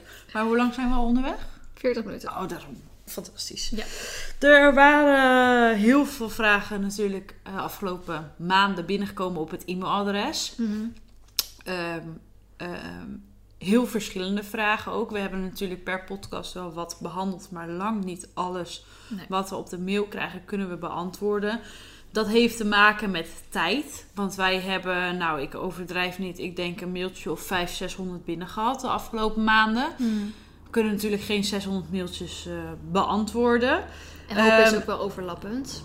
Ja, dat ook. En sommige dingen kunnen wij ook niet beantwoorden, want daar heb je gewoon echt een prof of iets voor nodig. Of eh, gaat Geen echt wel dieper, in. of eh, geen ervaring. Dus we hebben altijd de dingen eh, beantwoord, tenminste geprobeerd te beantwoorden, waar jullie ook echt wat aan konden hebben. En wat ook echt een, ja, nou ja, leuk. leuk. Het was niet altijd leuk natuurlijk, om even terug te kijken op de Mhm. afgelopen podcasten. Maar waar we hopelijk een goed advies bij hebben kunnen geven. Dus dat is een beetje ehm, ehm, wat we hebben gedaan natuurlijk de afgelopen podcasten. En er, waren, eh, er zijn vier vragen die ik heb ehm, ja, eh, uitgeschreven. Die waren gevraagd. En ik begin met een paarden, een paardenvraag. En dat Mhm. is, hoe vind je een goede instructeur of instructrice? Toen dacht ik, nou, zoiets hebben we nog helemaal niet beantwoord. Nee. Dus ik dacht, dat is echt wel een leuk onderwerp om eventjes over... Nou, te discussiëren wil ik niet zeggen, maar om eventjes onze mening over te geven. Ja. Ehm, ik heb een dressuurjuf juf en een spring... Nou, meester. Eh, Robin de Groot is mijn instructrice voor de dressuren. Zij heeft meerdere paarden opgeleid naar het zet. Ehm, en Robin is een stalgenootje van mij. En zij is ook de eigenaar van Sam. En voor degene die mij volgen op Instagram, Sam is die bonte. Ehm, fantastisch leuk paard. Ja, daar heb ik een, eh, een, paar, eh, een paar maanden bij gereden toen zij zwanger was en bevallen. En dat soort dingen. En eh, ik heb eerst les gehad van Niels, een ander stalgenootje van mij. Maar daar, daar viel ik te vaak... ehm, daar was ik Ankie bij in de lessen, zoals Mhm. ik dat altijd zei. Maar zodra ik zelf moest gaan oefenen, lukte het niet meer. Dus hij Mhm. gaf mij handvaten in de les. Maar daarna wist ik eigenlijk niet wat ik had gedaan, waardoor het zo was. Mhm. En met Robin, die zegt dan: voel je dit? Of eh, hoe zou je dat doen? Of eh, de, daar, daar communiceer ik mee. En daar leer ik veel meer van. eh, door ook te voelen en door te beseffen wat er onder me gebeurt en wat ik eraan moet doen om het te verbeteren. Of juist zo te laten of dat soort dingen. Mhm. Dus dat is eigenlijk de grootste reden waarom ik nu bij Robin les. Ehm, ik heb niet standaard les. Ik heb, wanneer ik denk, nu heb ik les nodig, heb ik les. Mhm. Ik heb er toevallig vanochtend geappt, want ik heb me ook opgegeven voor de online proefjes om ons L2 debuut te maken. Mhm. Ehm, dus ik vind het belangrijk om, nou ja, in deze week, volgende week zeg maar, eh, nog een lesje te plannen. Ehm, zodat ik er in ieder geval eh, de puntje op de i kan zetten. Want ik vind er wel heel fijn lopen nu. Maar ik wil het ook even bevestigd hebben van Ja. iemand. Ja. En met springen heb ik eh, sinds anderhalf jaar Jasper Gadestroom. En Jasper die had toen de tijd een berichtje op Facebook gezet. Dat hij tijd had voor eh, lesklanten. Ik kende heel Jasper niet. En daar ben ik op ingegaan. En vanaf Maar hoe les... kwam je bij zijn Facebook berichtje dan? Ja, die was gedeeld door iemand die ik kende. Oh, oké. Van hallo, ik ben Jasper Gadestroom en ik heb tijd voor lesklanten. Dus eh, Ja. bericht maar mocht je interesse hebben. Mhm. Dat heb ik gedaan. En vanaf les 1 klikte het. Hij nam gewoon meteen de tijd voor mij. En ik heb een paard met eh, angst voor balken. En het, eh, toen ik zeg maar net begon met Isa, toen kon ik niet eens een bak inlopen waar balken lagen. En de eerste les met Jasper, die heeft ook anderhalf uur geduurd. En dan was ik drie keer over de balk heen gegaan. Maar hij heeft mij wel altijd het vertrouwen gegeven dat we het konden. En met alle rust doet hij dat. Dus Ja. er zit niet, oké, je hebt een half uur les, die gaat nu in. En ik kijk elke keer op mijn horloge. Nee, goed is goed. En de ene keer is dat 20 minuten en de andere keer is dat 40 minuten. En daar zeuren we niet over in de Ja. prijs. En dat is gewoon zoals het is. Ja. En dat vind ik heel fijn aan Jasper. En Jasper die lult mij letterlijk overal overheen. En dat klinkt heel stom, maar omdat ik zo angstig ben geworden, kan hij mij heel veel vertrouwen geven. En word ik daar heel relaxed van. Ja. Dus dat is eigenlijk ehm, Jouw ervaring met... eh, ja, mijn ervaring qua, ehm, ja, qua het vinden. Ik denk dat, want de vraag is natuurlijk hoe vind je een goede instructeur en instructrice? Als je op een pensionstal staat, kun je natuurlijk een beetje rondvragen en rondkijken. Ja, ik denk vooral het kijken Als iemand anders les heeft, dan bij sommige mensen voel je dat, dat je denkt, oh, dit vind ik heel fijn om naar te luisteren en dit vind ik heel leuk. En, Ja, of juist van, oh nee, dit vind ik vreselijk. ja. Ja. net als je op een grote pensioenstal staat, dan ehm, is dat handig. Alleen bijvoorbeeld bij ons, eh, omdat mijn stal-eigenaresse eh, lessen geeft, is bij ons de regel dat er geen eh, instructeurs van buitenaf mogen komen. Dat is natuurlijk best wel slim gedaan. En Ja. er gebeurt ook best wel veel als je zelf ja, dat gewoon heel veel doet. Ehm, je weet natuurlijk ook niet wat voor ja, instructeurs er dan bij jou, eh er vliegen een paar vliegtuigen over, maar wat voor eh, instructeurs er bij jou op je erf komen, wil je dat eigenlijk wel? Weet je wel, sta je daar wel achter, bla bla. Ja. Ehm, dus je hebt eigenlijk niet zoveel keuze bij ons. En als je dat dan zeg maar iemand anders wil, dan moet je gewoon met je trailer eh, op pad gaan. Nu eh, lessen er best wel veel bij ons, bij Astrid, omdat Astrid wel heel fijn is. Maar Ja. Astrid is inderdaad wel heel erg van de basis. Dus als jij ehm, net wat meer soms wil, dan is het bijvoorbeeld wel eens handig om eh, bij iemand anders. Want ik wissel het dus een beetje af. Astrid is voor mij echt voor de basis. En Turk die pakken ook wel oefeningen mee. Maar ik ga bijvoorbeeld een keer bij Anne-Claire langs als ik echt Ja. eh, meer op de oefeningen wil focussen. Dat is ook een aanrader. Ja. Anne-Claire van Topfit. Horshop, Horshop. ja, van ACB dressage. Ja. Die heeft natuurlijk ook aan huis. Die heeft ook een 2060. Nou ja, ja, een soort van, ja, het is aan huis, maar ze huurt het eh, alles. Ehm, Ja. Die heeft een 2060 Zij is baan. fantastisch ook, ja. En, eh, Zij is kan je ook- Ja, heel rustig en ja, ik Heel word helemaal duidelijk. enthousiast van haar. Ja. Ja, goed, maar daar kom ik dan vaak om de oefeningen weer even te verbeteren, zeg maar. Ja. Astrid is vaak weer voor het gehele plaatje. En Claire is dan weer toch ja weer voor de perfectioneren ook. Dus, ehm, en ik ben natuurlijk toen bij eh Mireille den Hoed geweest voor Arena. Eh, die vind ik fijn. Nou, bij Janneke Boonzaaier ga ik voor het springen, voor het crossen. Maar Ja. dat is gewoon omdat we hebben natuurlijk al hindernissen op stal. We hebben groepslessen alleen bij ons op stal. Dat vind ik gewoon, als je echt wil verbeteren in springen, heb je niet zo heel veel aan een groepsles. Ehm, misschien is dat bij andere mensen anders, maar ik vind dat voor ons in ieder geval niet. Want dan spring je vaak je rondje en dat is het dan weer wel. Mhm. Weet je wel. Ik wil echt dingen verbeteren, dus dan ga ik vaak naar de schalm toe. Ehm, dus ja, kijk, Claire ben ik natuurlijk via via tegengekomen. Eh, Janneke ben ik ook via via tegengekomen omdat eh, Karin en Suzanne bij haar Oh, ja. eh, sprongen. Ja. Omdat Karin is zowat de buurvrouw van de Schalm. Dus zij ging daar gewoon heel vaak heen voor springlessen vroeger. Ehm het is ook weer veel oefencrossen en zo worden daar gehouden. Ja, ja. Dus het was sowieso al een terrein waar we al wel regelmatig heen gingen. En toen dus de vorige ehm, instructeur bij ons, Jeroen, ik weet niet meer hoe die heet, ehm, stopte. Die ging er voor een jaar naar China of zo. Toen hebben we een tijdje lang geen groepslessen, dus we springen gehad. En toen ben ik dus op zoek gegaan naar iets privés. En toen kwam ik dus bij eh Janneke Boonzeijer uit. Hm. En daar ben ik hartstikke tevreden over. Dus ik denk, als het bij jou op stal natuurlijk mogelijk is dat daar verschillende instructeurs naartoe, naartoe komen, kijk gewoon lekker mee. Eh, misschien gaan mensen bij jou op stal ook weg met de trailer. Ja. Ehm, vraag ook gewoon, mag je mee? En misschien heb je zelf geen trailer, eh, waardoor het niet mogelijk voor jou is om mee te gaan. Of heeft diegene bijvoorbeeld een eenpaardstrailer waarvoor het niet mogelijk is dat jij met haar mee kan gaan. Kijk, als ze een tweepaardstrailer heeft en zij gaat toevallig op les, Ja. kan je misschien meeliften. Ja. Maar ga ook gewoon mee om inderdaad te kijken wat voor instructeur dat is. En of je dat, hetgene Ja. wat diegene doet fijn vindt. Want Ja. als je nou denkt, oh, wat deze is fijn. Nou, ik kan toevallig dan niet bij deze persoon lessen. Maar dan weet je wel een beetje naar wat je op zoek, Zoek bent. bent, ja. En wat ook heel vaak eh, werkt, dat is dan natuurlijk een beetje het netwerken. Als jij tegen haar zegt, nou, ik vind u echt super fijn lesgeven, maar ik heb geen trailer. Kent u toevallig iemand bij mij in de buurt? ja. Die een beetje, hè, misschien kent u degene van de ons kent opleiding, ons, kent ja. ons. Eh, kent u misschien iemand hier in de buurt die eh, een beetje hetzelfde als u les geeft en ehm, die wel aan huis komt of die, zeg het maar, Ja. eh, dat oproep je Facebook, oproep je Instagram, Ja. eh, dit en dat. Maar gewoon denk ik meekijken. Ehm, Ja. Dat dat zeg maar, echt gewoon meekijken is denk ik nog wel belangrijker dan zomaar bij iemand gaan lessen. Ja. Het is ook wel denk ik leuk om te zien hoe iemand anders eh, les geeft. ja, vind ik altijd heel interessant. Dus dat. Hopelijk hebben we je vraag beantwoord. Ehm, tips om de dag productief te beginnen en productief te houden. Nou, die kun je beter niet aan Feline vragen, want die komt pas om tien uur uit de bed. En die meldt dan gewoon de stagiaire dat ze gewoon wat later kan komen. Een uurtje of elf of zo. Dat is natuurlijk niet helemaal de bedoeling. Het beste is om regelmaat te houden. Ja, kijk, Feline komt gewoon, gaat laat naar bed en, en Ja. later uit. Dus dat is ook regelmaat. Ja, ik wou net zeggen, want eh, je denkt wel, oh jeetje, tien uur uit de bed. Maar ja, ik ga ook pas om twee uur slapen. Ja, Dus maar als je dat nou een beetje zo miep, Ja, terug... naar elf uur eh, slapen en om eh, zeven uur uit mijn bed kom je Nou, op hetzelfde... zeven uur is een beetje. Ja, maar als je om elf uur gaat slapen is dat ook acht uur. Als ik om twee uur ga slapen en om tien uur is het ook acht uur. Ja, En ik vind wel acht uur is minimaal. ja bij mij ook. Acht uur echt minimaal slapen. Ja, liefst twaalf. Maar, eh, nou ja, goed, kijk, regelmaat, eh, eh, dat werkt niet voor mij. Niet. Feline is een geval apart, niet luisteren.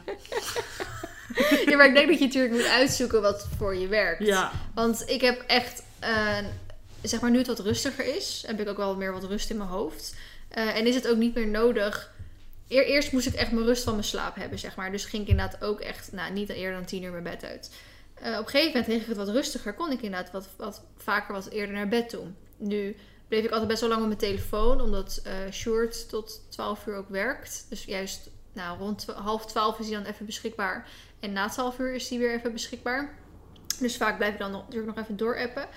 Ehm maar nu ben ik vergeten wat ik wilde zeggen. maar ehm, over je regelmaat. ja, ehm, omdat ik het wat rustiger heb, is dat wel. Ben ik weer wat meer gemotiveerd om gewoon vroeg mijn bed uit te komen. Inderdaad, als Anne hier om tien uur kwam, dan kwam ik om tien uur de douche uit. Dat is echt zo. Dan moest ik me nog aankleden, omkleden. Eh, weet je wel, moest ik nog. Ja. Waren we om half elf een keer, eh, nou, ik kan het niet echt begonnen noemen. Ging ik hier nog even mijn boterham zitten eten. En eigenlijk was om elf uur waren we productief. Nou, vind ik eigenlijk best wel zonde. Dus afgelopen tijd ging, had ik gewoon mijn wekker om acht uur gezet. En in plaats van 9 uur. En dan eh, word ik gewoon lekker rustig wakker. Ga op tijd douchen. Maar dan zorg ik al dat ik om 10 uur echt klaar zit. En het liefst om 10 uur echt al wat, wat mailtjes heb beantwoord. Of al wat dingen heb uitgezocht of zo. Ja, En eh, dat werkt op een gegeven moment heel fijn voor mij. Dat ik eigenlijk mijn wekker wat eerder zet. ja, Gewoon dat ik wat meer de, dat ik ook Tijd niet wat meer de tijd heb en ook niet zo haastig alles moet doen. Want anders, ja, je kent mij, dan kom ik toch overal te laat. ja. mij dus als ik gewoon dat eerder de wekker zet, maar nu omdat het ook kan, omdat ik het wat rustiger heb, dus ik heb niet zo heel, heel, heel veel slaap meer nodig, ehm, voelde ik me wel heel productief daardoor. Had ik 's ochtends al best wel wat gedaan. En eh, nou ging ik met Anne daarna verder. Ja. En dan, ja, het ligt heel erg, elke dag bij mij is anders. Dus ja, dat is bij jou inderdaad. Dus Ja. eigenlijk kunnen we dat ook niet vergelijken. Kijk, als je gewoon een 9 tot 5 baan hebt, dan moet je gewoon om 9 uur productief zijn. ja, Simpel zat. ja. Kun je niet zeggen, nou sorry baas, vandaag even niet. Nee, maar ik denk wel dat het daar ook eventueel zou werken. Ook al wil je natuurlijk zo lang mogelijk in je bed blijven liggen. Ik denk als je je wekker wat eerder zet, Ja. Want dan hoef je alles wat minder gehaast te doen, kan je wat makkelijker wakker worden. En dan heb je denk ik ook om 9 uur zoiets van: oké, nu gaan we echt beginnen. Ja. We hebben nu wel lang genoeg op mijn telefoon gezeten, lang genoeg Ja. gedoucht, lang genoeg dit en dat gedaan. Ja. En anders heb je zoiets op: pff, ja, ik wil nog even mijn Instagram checken hoor. Of ik wil nog even, Ja, Even dit even doen, wakker even worden, dat doen. even dit. En nu denk je echt van: nou, ik heb eigenlijk alles wel gedaan. Nu gaan we hup aan het werk. Dat het tenminste is voor mij wat nu heeft gewerkt. En in de toekomst zou ik het heel graag zien als de paarden straks in huis staan. Dat ik ze 's ochtends eigenlijk doe. ehm, dat ik eigenlijk voor 12 uur met alle paardendingen klaar ben. Dan denk Ja. ik even, of ik begin om 8 uur even achter mijn laptop en dan om 10 uur zeg maar naar stal. Hè. En dan ehm, nou, rond 12, 1 uur dan klaar ben. Dan even misschien gaan lunchen of zo. Dan nog even iets gaan doen. Of juist even iets leuks, hè. Sjoerd, eh, wandelen, eh, winkels, weet ik het wat. En Ja. ik ben s'avonds dan ook best wel productief nog. Maar ja, dat is inderdaad als je 9 tot 5 baan heeft, dat geen zak te doen. Nee, is anders. Maar misschien is het meer vanuit een vraag vanuit iemand die ehm, nou, online, ik denk nu ja, of nu met corona dat alles stil ligt natuurlijk. ja, of online schoolles heeft of zo. Ja. Dat lijkt me wel heel moeilijk om daar dat je te dat kan ik ook niet zo goed adviseren. Ik eh, adviseer om Eva Roos te volgen op YouTube. Zij is dus ook, ehm, ze deed middelbaar, maar ze zit dan nu in de eerste jaar van het HBO. En zij heeft dus ook alleen maar online les. Maar zij maakt echt heel veel van die eh, motivatievideo's met hoe zij, eh, zij staat, stapt elke ochtend om vijf uur eh, de bed uit. En dan gaat ze eerst een uur eh, wandelen buiten, of dan gaat ze even mediteren, of dan gaat ze even lezen en dit. En dan is ze helemaal al, ja, om acht uur s ochtends heb je dan echt al zoveel gedaan. En dan begin, beginnen die lessen. Nou, mij Ja, maar- niet bellen hoor. Nee, dat mij, ook niet bellen om om vijf uur s ochtends eruit te komen. Mijn maar goede. je gaat wel even er anders over nadenken. Hoe want heette zij? Eva Roos, gewoon. E-V-A-R-O-S-E. Het is een wat jongere meid, ze is denk ik een jaar of 17 of zo. Eh, maar het is wel gewoon om die reden ben ik wel dus mijn wekker eerder gaan zetten. Dat ik denk, ja, ik hoef helemaal niet te beginnen als Anne hier is. Ik kan ook gewoon al wat werk verzet hebben voordat Anne hier is. Dat we gelijk bam om 10 uur kunnen gaan starten. Ja. Dus, maar wat zijn jouw tips dan? Regelmaat, dat werkt bij mij het beste. Ja, ik ga nu gewoon echt. mm, Eigenlijk ligt de hele week om 8 uur in bed. En dan ga ik een serie kijken. En dan ga ik om 10 uur, half elf slapen. En dan zet ik meestal een wekker rond half negen, negen uur. En dan doe ik eerst de paarden 's ochtends.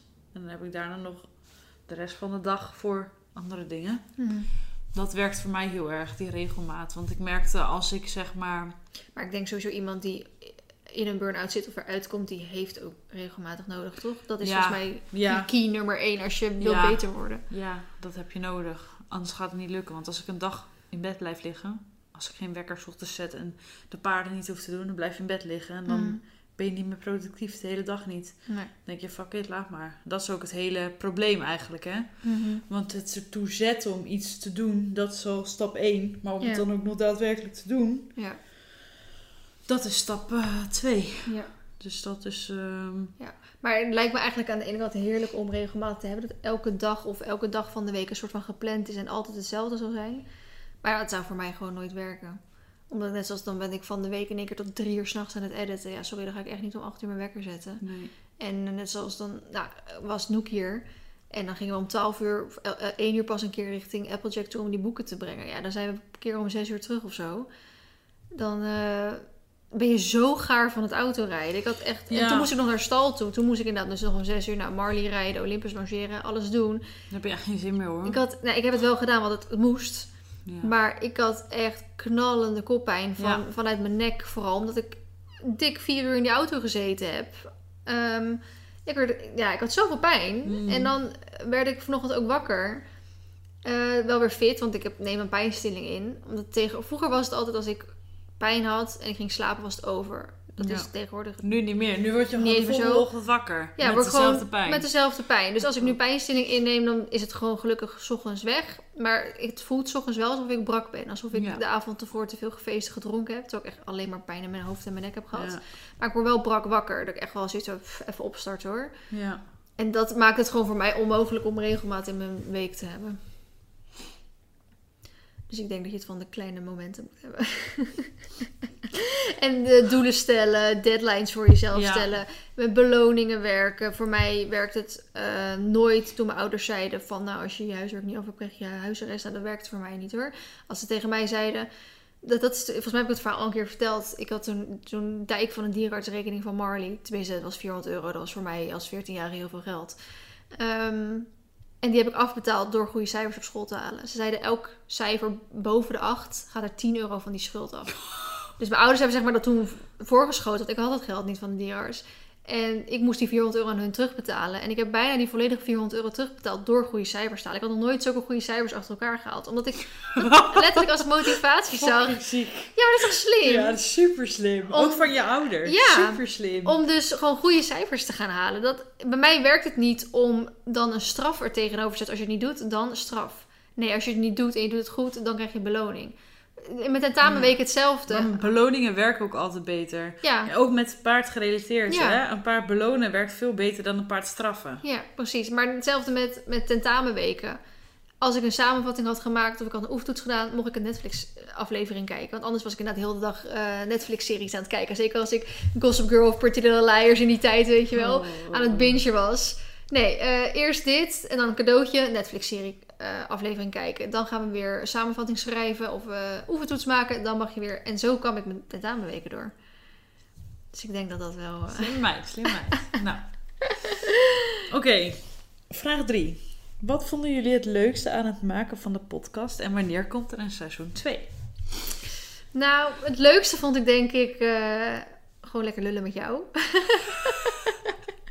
Dank je, dank je. Ja, maar gewoon net een beetje je week bespreken en dingen die je of dwars zitten of die je er juist trots op bent, die je dan Mhm. gewoon lekker wil bespreken. En dat is natuurlijk een van de redenen waarom ik die podcast begonnen ben. Mhm. Om al die lange praatstukken uit die video's te halen. Nu Mhm. zitten ze er nog steeds wel redelijk in. Maar ehm, ja, toch net zoals weet je dat boek. Ik heb afgelopen dagen gewerkt aan die video van het boek.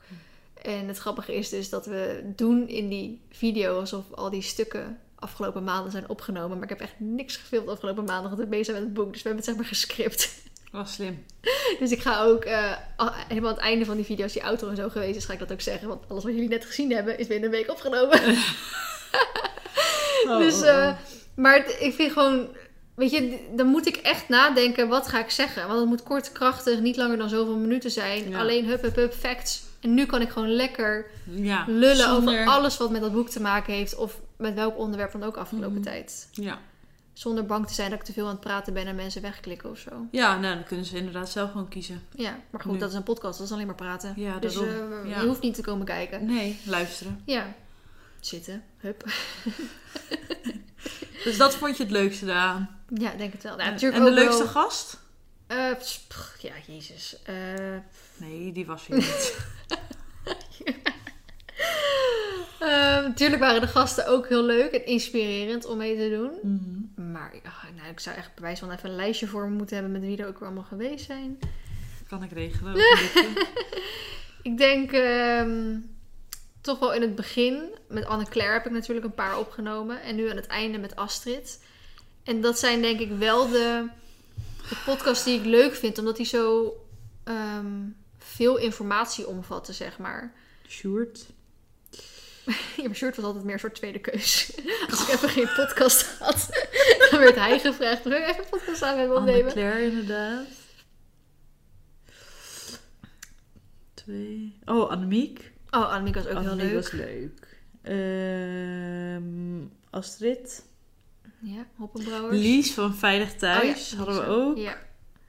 Morgan. Mhm, ook heel interessant. Eline Bouten. Ja, dat is volgens mij wel Nova Skin. Madee. Ja. Demi van Nikkelen. Ja. Nina Demi vond ik ook heel leuk. Nou, ik vond, ik vond hun drie sowieso allemaal, hadden allemaal hun eigen verhaal. En dat vond ik Mhm. gewoon heel inspirerend. Een ander natuurlijk. Ja. Allemaal had je ook.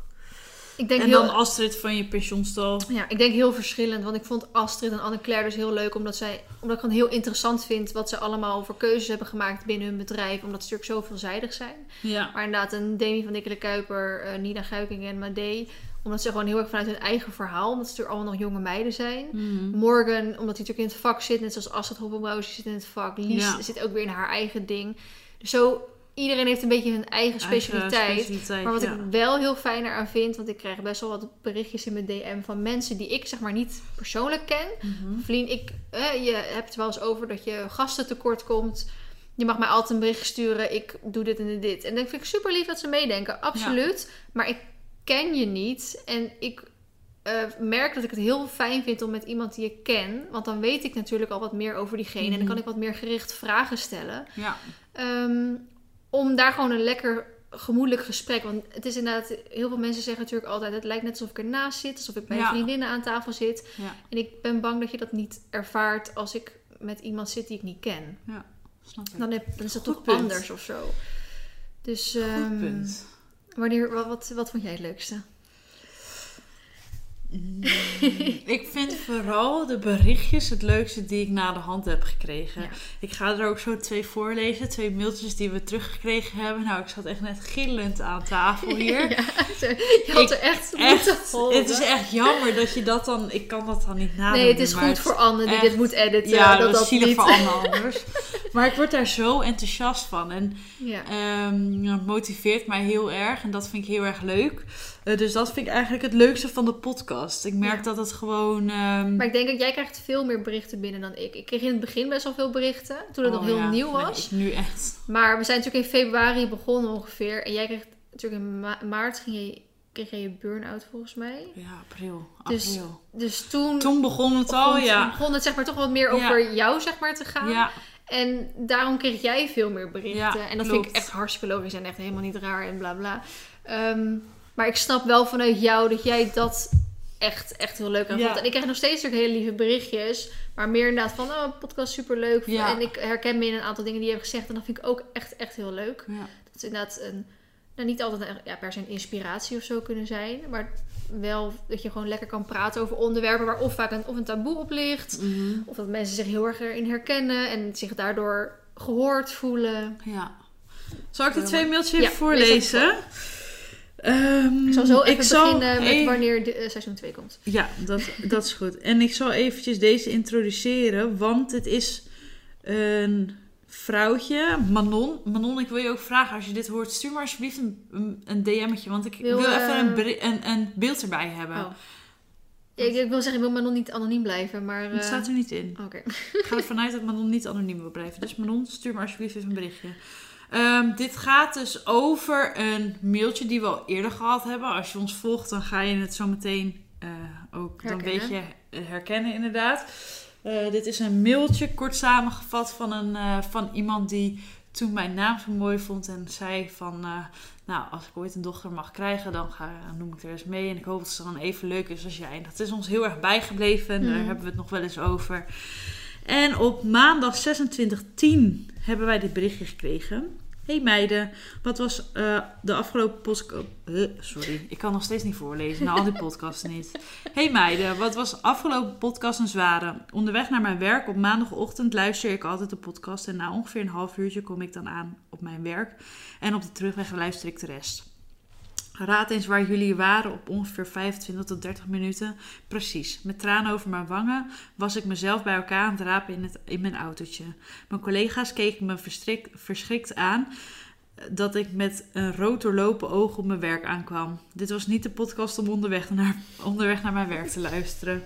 Lieve is meegecondoleerd en heel veel sterkte met je verlies. Ik kan het me, me niet voorstellen hoe ongelooflijk leeg je je misschien voelt. Een hele dikke coronaproefknuffel. Hel en rouw. PS, leuk om te horen trouwens dat je je ware bent tegengekomen. Later ga je kleine terroristjes krijgen met jullie. Ik had jullie een tijd geleden een mail gestuurd over mijn niet zo'n beste ervaring in mijn vorige relatie. Toen later kwam ik mijn huidige vriend tegen. Nu acht jaar later kunnen we nog steeds blijven, blijven praten de hele dag door. Weet je nog dat ik zei dat als we ooit een dochter zouden krijgen, dat we haar eens mee zouden noemen? Guess what? Ze wordt in maart geboren! Ons eigen kleine terroristje!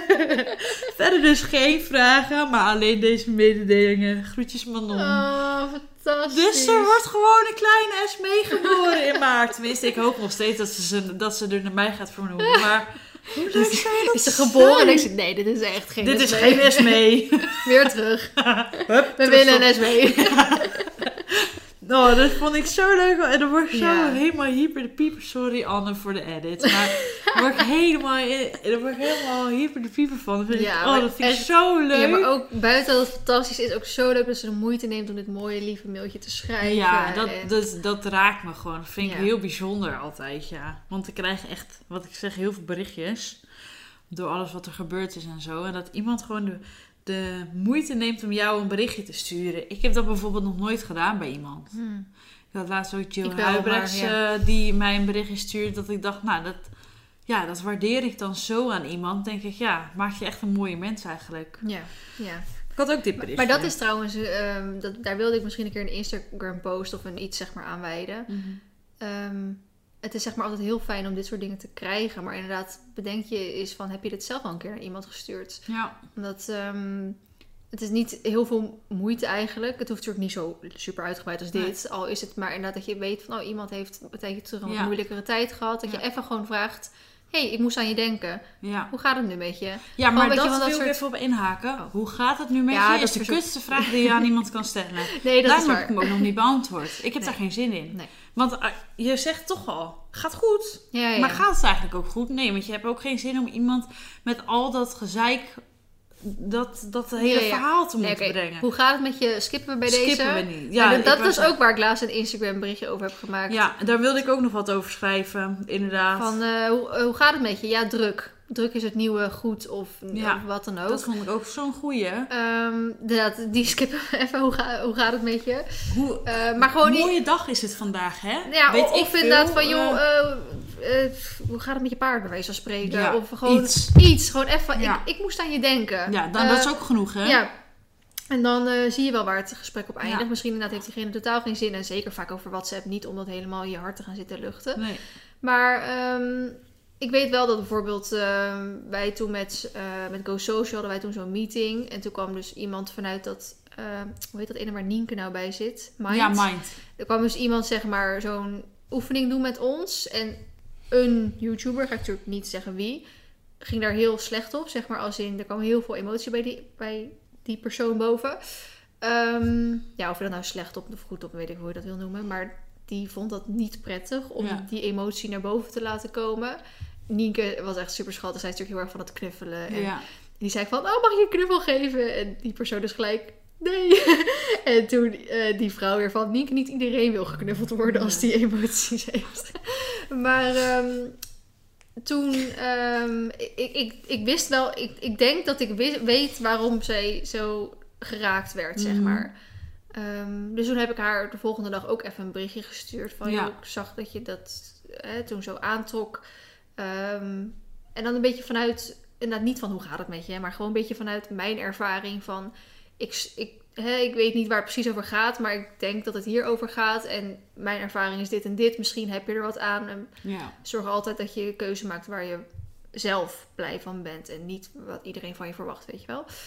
En dat waardeerde ze toen heel erg dat ik daar even een berichtje over Ja. stuurde. En dan, ja, ja. Ja, dat kan natuurlijk ook. Maar wat ik nu heel erg merk om daarop in te haken, is inderdaad de vraag: hoe gaat het met je? Ja. Ik vind het echt, echt de vreselijkste kutvraag die er is. Wat denk je zelf? Wil je dan eigenlijk reageren? Dat wil ik zeggen dan. Wat Wat- denk je zelf? Hoe Ja. denk je nou dat ik me voel? Ja. En er zijn gewoon een aantal mensen, ik ga geen naam noemen en ik ga er ook niet te diep op in, ehm, maar die dan denken: jij kan in paarden doen, dus je kan ook weer je normale leven oppakken. Hmm. Kom uit je bubbel en zeur niet zo. Hmm. Dat. Er zijn ook mensen die dat gewoon naar je uitspreken. Niet zo Echt? zeuren.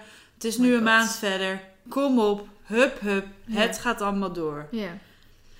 Dan, Oh my god. ja, word ik, kan er nu weer boos om worden. Mhm. Dan denk ik, waar haal je eigenlijk het lef vandaan om mij te vertellen wat ik moet doen? Ja. Hoe durf je? Ja. Ja, ik weet wel hoe je je voelt, zeggen mensen dan. Denk ik, hoe kun je dat nou zeggen? Hoe kun je nou zeggen dat je Ja. weet hoe, je, hoe ik me voel? Hmm. Heb je ook een burn-out gehad? Heb je ook je moeder verloren? Nee. Nou, hou je bek dan dicht. Ja. Ik word daar echt heel Dat wil je zo van. graag ook echt gewoon zo zeggen. Ja, kijk, iemand kan zich proberen in te beelden, maar die weet dan nog steeds niet Nee, hoe. absoluut Dat is ook met, met succes en geluk zo. Hè? Kijk, want ik, ik eh, lift op jouw eh, geluk en blijdschap mee van je boek. Hmm. Maar ik kan niet voelen hoe gelukkig jij bent. Hmm. Jij kan zeggen met woorden, maar woorden Ja. hoeven niet altijd alles te zeggen. Nee, nee. Snap je wat ik Hmm, bedoel? En dat is met hoe slecht je gaat, kan dat ook zijn. Ja. Ik kan mij als- inderdaad niet... Ik, ik, ik praat met jou en ik weet redelijk hoe jij je voelt. Maar ik kan me Ja. niet zelf inbeelden hoe Nee, het zou moeten je zijn geen om je zo te voelen. Kan ook niet. Nee, want ik heb het zelf nog nooit meegemaakt. Nee, inderdaad. Ja. En als mensen dan gaan zeggen, jij moet dit en dit doen. Moet helemaal niks Ik, bek houden. maar dat echt, ik word daar echt pisling van. Ja. denk ik, ja leuk al die goed bedoelde adviezen. Je moet het zo en zo doen. Hou je bek gewoon dicht. Maar moet ik ze ook zeggen, want ik dacht eerst dat je dat wilde gaan zeggen. eh, met dat hoe gaat het? Dat zeg maar eigenlijk mensen die je eigenlijk toch al nooit spreekt... in één keer gaan vragen hoe het met je gaat. Dat je echt denkt van, ben je nou een soort sensatiezoeker? Dat je heel graag wil weten wat, wat er nou precies in mijn leven... Zeg maar als er dus iets Ja. heftigs gebeurt of wat Ja. dan ook. Van, kom je nou alleen even peilen met wat er nou precies gebeurt? Maar voor de rest, waar was je al afgelopen maanden, weet je wel? Ja, Dat je zoiets... Ja, of juist van de mensen waarvan je het verwacht had, die dan vragen hoe het met je gaat, waarvan je dan niks hoort. Oh ja, dat kan natuurlijk Dat ook. heb je ook veel. Ja. Tenminste, dat merk ik nu heel veel. Ja. Want het is met, eh, met, eh, met het overlijden heb je een berichtje gehad. Met de begrafenis of de condoleance heb je elkaar gezien of niet. Mhm. Ehm, en daarna gaat iedereen zijn leven weer door. Ja, Dus dan vergeten mensen het weer. Ja. Snap je? ja. Nee, ik snap wat je bedoelt inderdaad. Dus dat is ook... ehm, Ja, en even over watgene wat ik net zei. Hè, als iemand oprecht al een paar maanden bijvoorbeeld niet met je gepraat heeft en inderdaad denkt van hé, dat, ik spreek mezelf nu een beetje tegen. Want inderdaad wat ik zeg, hé, ik moest aan je denken, hoe gaat het met je? Of even, Ja. Maar dat kun je subtiel brengen inderdaad. het, ligt er, het ligt er, op een gegeven moment ga je denk ik een beetje doorhebben bij welke persoon dat hoort, weet je wel. Ja, De ene vraagt alleen hoe het met je gaat als er net iets... ja, als er echt iets is waarvan je denkt, zo, Zo, sensatie. Sensatie inderdaad. En Ja. je hebt gewoon de mensen die oprecht denken, hé, hey, Feline heb ik al een tijdje niet gesproken. Ben benieuwd hoe het met haar gaat. Ja, dat. Dat je denkt, oh wat leuk dat ze eigenlijk Dan is het stuurt. oprechte interesse. Ja. En dat is een verschil. En, maar ik ken gewoon, want dat had ik met Olympus toen, hè, toen we vorig jaar Ja. zo door die medische molen heen gingen. Ja, dan Dat- merk je gewoon precies wanneer iemand het doet voor de sensatie. Voor- of wanneer iemand het echt doet om... Dan kreeg ik echt te gewoon, dan, dan zei ik van ah, zaterdag gaan we naar de dierenarts. Nou, was Ja. klokslag zaterdag vroegen ze. En uitslag? Ja. Nou, dan vertelde ik dat en oh oké. Ja. En dan weer doodse stilte. Ja. En dan weer klokslag volgende dierenartsbezoek. En? Ja. En dan weer uitslag. Alsof ze echt up-to-date wilden blijven van hoe Ja. het met hem ging. Terwijl ik denk, voor de rest, je hebt dat beest nog nooit in het echt gezien. Nee. Eh, Je hebt niet eens de moeite genomen om te komen kijken. Nee, precies. Ik denk, eh, ja, je komt hier echt alleen voor de sensatie Ja. inderdaad. Ja, die zitten er ook tussen, helaas. Maar goed. Ik had nog een mailtje gekregen. Ja. Ehm. Hm. Eens even kijken welke dit was. Hoi Verlien en mee. Man, ik schrok me helemaal kapot. Jullie hadden mijn mail uitgekozen. Superleuk natuurlijk. Maar ik heb nog nooit zo lang stilgestaan met de kruiwagen in de wei. Ha ha ha ha ha.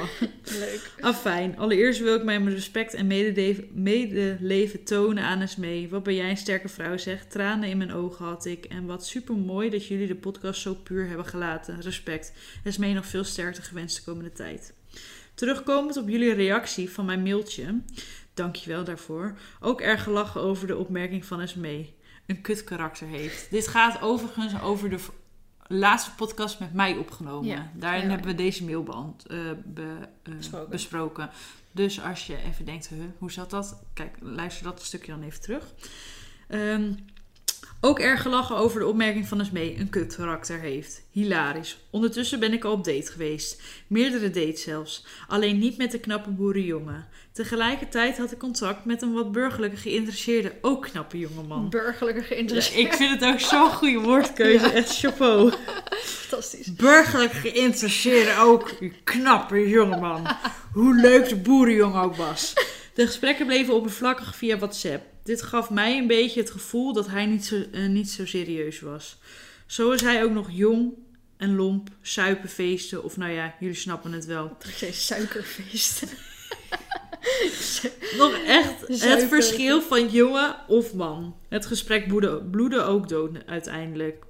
De wat burgerlijke type heb ik via WhatsApp ook al kunnen vertellen dat ik niet zo'n meisje-meisje type was. Hij heeft mij zelfs zo ver gekregen voor een selfie. Dat gaf mij de geruststelling en durf om op date te gaan. Als mezelf zonder make- make-up. Wel betreft eh, kleding en haar mijn best gedaan. Ja, echt super trots. Echt, ik ken je niet, maar we zijn zo trots. Eh, resultaat. We hebben het nog steeds erg leuk en we zijn volop aan het daten. Al voelt het al bijna alsof we wat hebben. Ik vind het heel schattig hoe je met je vingers zo doet alsof het een Ja, aanhalingstekens staat. dat terwijl ze dat zien helemaal niet zien. Nou ja, goed hè, voor het idee. Eh, maar we heb- he- hebben het beestje nog geen naam gegeven. ik heb zo hard gelachen hier. Eh, dat is ook eh, nog wel wat te snel. Vijf keer lang met elkaar geweest nu. Wel haalt hij mijn onzekerheid weg. Dus hoe het ook eindigt, of liever niet eindigt, hij heeft eh, mij al z- veel zelfvertrouwen gekregen en dat vind ik een verrijking. Sorry voor de lange mail. Woeps. Nogmaals bedankt voor jullie advies. Heb ik nog steeds wat aan gehad en ga zo door, toppers. Groetjes, Michelle. Een, Echt. een mail kan nooit lang genoeg zijn, ten eerste. Nee, dat sowieso. En dit soort ervaringen, Ja, dat leuk. iemand gewoon naar ons geluisterd heeft en dan dus dit zo... Even feedback geeft Ja, hoe het gegaan Ik is. vind dat echt fantastisch. Of een andere ik vind dat zo leuk, ja. Ja. Dus echt Maar ook gewoon zo fantastisch wat ze zegt van deze jongen geeft me zelfvertrouwen. Dus Ja. of het nou wel of niet eindigt. zoals het hoort, weet je wel. Zij ze wordt er beter van, zeg maar. Ja. Fantastisch. Echt, Echt, ja, ja. echt gegund ook. Ja. Ja, Echt leuk wel leuk. Michelle, voor jou. Echt, we zijn heel trots op je. Goed doorgezet. Ja, het lijkt mij sowieso leuker, eh, om even over seizoen 2 te hebben, eh, om nog steeds hiermee door te gaan. Mhm. Eh, maar misschien dan bijvoorbeeld één goede mail uit te kiezen. Ja. Goed advies. Nu werden, waren het soms, natuurlijk soms een beetje van die drie halve mails. Ja. En dan een keer een mooi verhaal. Dus inderdaad iemand met een ervaring. Want dat hebben we ook wel eens. Hè, dat iemand zei van... Ja, Ehm, dit is mijn ervaring. Dit is mijn ervaring. Want de mensen die onze podcast luisteren... En eh, bijvoorbeeld... Die, hè, sommige mensen gaan echt meedenken van... Oh, wat voor advies zou ik diegene geven? En die hebben dan misschien zelf zo'n ervaring. En dan sturen ze dat wel eens naar ons. Van ja, dit is mijn ervaring daarmee. Ik heb toen dit en dit gedaan. Zie iPad gaat. De, ik heb toen dit en dit gedaan. Eh, misschien, ja, ik zou zo graag eigenlijk dat advies ook willen zeggen tegen die Ja. persoon. En ik denk dat we dat misschien, dan wordt het misschien wat meer een podcast met z'n allen, zeg maar. Ja, Om gelijk aan met met z'n allen de podcast van met Gwen van Poort te denken. Ehm, maar dat we zeg maar dus iemand echt een mail pakken waar we echt eh, inhoudelijk advies op gaan geven. En eventueel een mail pakken van iemand die misschien terugkomt op een andere. En waar echt zo'n mooi verhaal ervan maakt. Om diegene's verhaal wil vertellen. ja, Met echt een duidelijke, goede boodschap erin. ja. Eh, of gewoon een ander soort inspirerend verhaal. Wat je Mogen ze die al mailen? Nou ja, mag. Maar als we pas... ehm, eigenlijk pas over bijna drie maanden doorgaan. Verder gaan. Dan, Dat is eh, maar de vraag. Nee, kijk, weet je wat, eh, wat mij gewoon het beste lijkt? Ehm, Seizoen 2, antwoord op jullie vraag, komt er dus wel. Maar wanneer Tuurlijk. is nog even Nou, passen en meten. Ik denk 1 februari.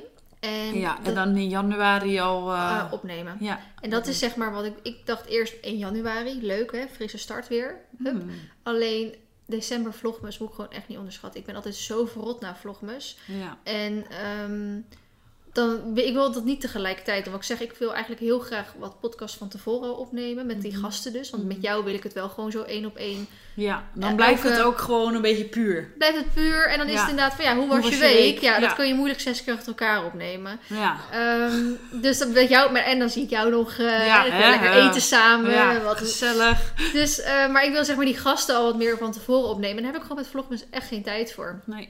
En dat wil ik gewoon in januari doen dan. In januari komt natuurlijk ook die ene nieuwe serie online. Dus ik hoef ook minder te Ja. filmen en zo Ja. dan. Dus zo valt het allemaal een beetje in elkaar. En ik denk dat ik het... Ja, ik weet er niet... Ik kan niet voorspellen hoeveel jaren we deze podcast gaan doen. Nee, dat zien Maar- we wel. Maar we moeten eigenlijk sponsors of iets ja, eh, dat is sowieso wel. Maar anders leek het me gewoon top om vanaf 1 fe- februari tot 40 afleveringen, zoals het nu was, eigenlijk elk jaar te doen. Snap je? Want dan Ja. is het elke keer 1 februari begint die. Dan maken we 40 afleveringen.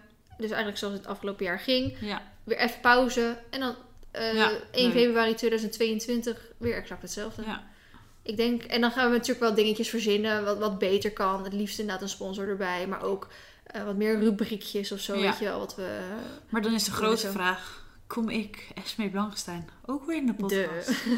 Oké, daar is niet... eh, Geen daar wordt vanavond eh. nog op getekend. Horen jullie dat, jongens? contract. Nee, maar ehm, geen Hinneke podcast zonder SME, toch? Geen idee. Geen- Nou, ik zal ook even de mensen opnoemen waarvan het me leuk leek om in seizoen 2 die eh, als gast uit te nodigen. Ja. Kwam twijfelachtig uit. Niet? Niet? nee, maar dan kunnen ze misschien weten wat ze een beetje kunnen eh, verwachten. verwachten, ja. Ik wil natuurlijk heel graag met mijn zus nog. Ja. Mijn zus als eh, illustrator hè, Mhm. qua werk. Maar ook omdat mijn zus ook in een burn-out heeft gezeten. Hoe ze Mhm. daarmee om is gegaan. Oh, ik heb hier Astrid Groothees staan. Maar die heb ik net gehad. Oh, ik heb wat mensen dubbel erin gezet. Dus eventueel Astrid Groothees. Dus mijn stal-eigenaresse. Maar goed, daar heb ik, die heb ik nu wel eh, al uitgebreid gehad. Dus ik denk dat ik deze lij- lijst heb gemaakt zonder dat het nog de bedoeling was dat ze zeg maar afgelopen keer is geweest. Mhm. Eh, met Astrid Hoppenbrouwers lijkt het me heel interessant om nog een keer eh, te doen. Morgan Leslie nog een keer. Anne Claire nog een keer. Eh Romy van der Linden lijkt me heel interessant. Omdat zij natuurlijk haar hele leven heeft omgegooid. En dat is eigenlijk weer zoiets. Ik heb Romy eigenlijk al maandenlang niet gesproken. Nee. En dan heb ik zoiets, oh, moet ik er niet een keer bericht sturen? Terwijl ik haar video's wel braaf kijk. Dus, Ja. maar dat is misschien meer... Ik heb het idee dat ik wel met haar in contact ben, omdat ik haar video's kijk. Ja, maar zij heeft niet natuurlijk... Zij heeft niet het idee dat dat... Zij denkt, oh, ik heb al maandenlang niet, niks van vrienden gehoord. Terwijl ik denk, oh, maar ik zie je gewoon elke week hoor. Weet je wel? Dus Ja. Van der Linden lijkt me heel interessant, omdat ze natuurlijk heel de leven omgegooid heeft. En hoe ze daarop terugkijkt, hoe het nu gaat, bla bla. Eh, ik heb toen al eh, eh, genoemd Anaïs Superponies. Mhm. Die hebben ook al een bericht gestuurd dat ze heel leuk lijkt om dat een keer Oh, te doen. leuk. Ja. Eh Christy ook Ja. veel aangevraagd. Joe Ja. Huibrechts veel aangevraagd. Eh Esra de Ruiter misschien. Eh, ik vind Daphne van eh Daphne Draaft Door. Eh, meer omdat zij eh, best wel... Nou, op zich ze is niet heel jong meer. Maar, nou als in, ze is niet 14 meer. Maar eh, op zich, haar kanaal is best wel heel snel gegroeid. Hm. Eh, dus het lijkt me op zich best wel interessant misschien... Om te, of ze kan vertellen met hoe ze dat gedaan heeft. Of, hè, alles wat daar een beetje bij hoort. Eh Romy Huisman kan altijd lekker lullen. Eh, en altijd interessante dingen natuurlijk ook vertellen. Romy Oudshoorn lijkt me ook heel leuk om Ja, een keer in de oh. podcast te. Ik vind Romy ook Romy, ik fantastisch. vind haar, ja, Romy ik ben is echt een- fan van haar. Ik ook. En Romy is natuurlijk een beetje ook hetzelfde. Zij zit niet bij Go Social. Dus we hebben eigenlijk allemaal ehm, niet echt heel goed contact meer met zoals het voorheen was. Wat Mhm. best wel jammer is.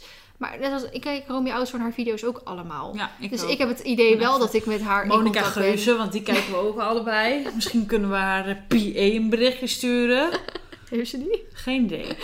Kai Gorgels lijkt me ook een keer leuk om hier aan tafel te hebben. Hoe heet die? eh, eh, JJ Polske lijkt me ook leuk om gezellig een keer te hebben.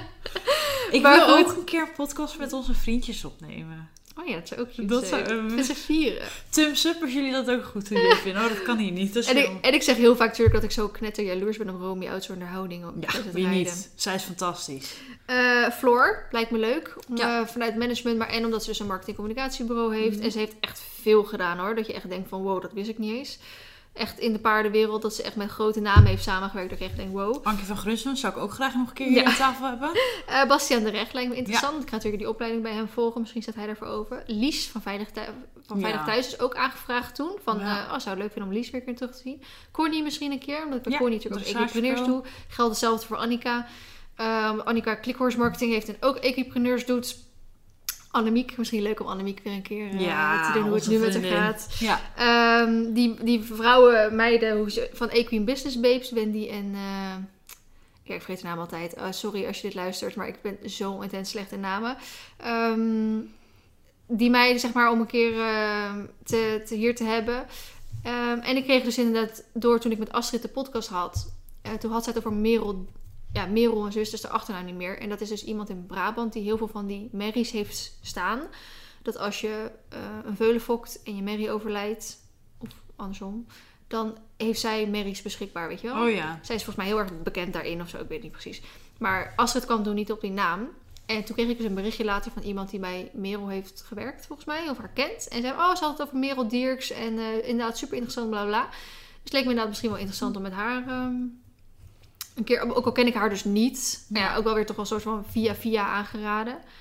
Ehm, en dus eh, iemand eventueel die in de hippies recht zit, een topsporter, maar goed, Jill is natuurlijk ook topsporter. En zo'n knol kunnen we ook een keer vragen. Een eh, gedragsdeskundige, een parcoursbouwer. Lijkt me ook, het is gewoon echt iets heel iets anders. Maar lijkt, nou, ik vind dus dat heel interessant met parcoursbouwers. Eh zowel van de springen als de cross, maar waar je overal aan moet denken. Sportpsycholoog, internationale ruiter. Wel redelijk hetzelfde als een topsport volgens mij. Eh, ik zou waarschijnlijk nog met QAP een keer eh podcast opnemen. Eh, en iemand die een social media expert is. En dan denk je van, maar vriend, dat ben jij ook. Nee, ja, maar Ehm, nog beter. Maar Ja, maar er zijn natuurlijk nog wel duizend en één mensen die nog meer volgers als jij hebt. Nee, Bedoel maar- het zo? Nee, nee, echt wel iemand die zijn werk heeft gemaakt van social media. zeg Ja. maar, ja, die daar Ja, expert op is. En die echt ehm, bedrijven adviseert of vertegenwoordigt of weet ik het wat.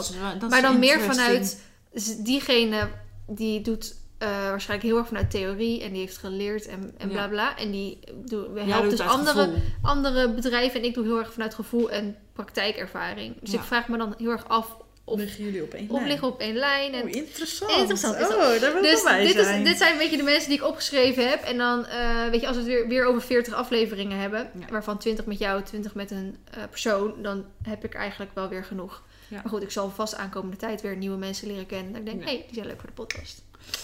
Oké, laatste vraag. Wat zijn onze doelen voor 2021?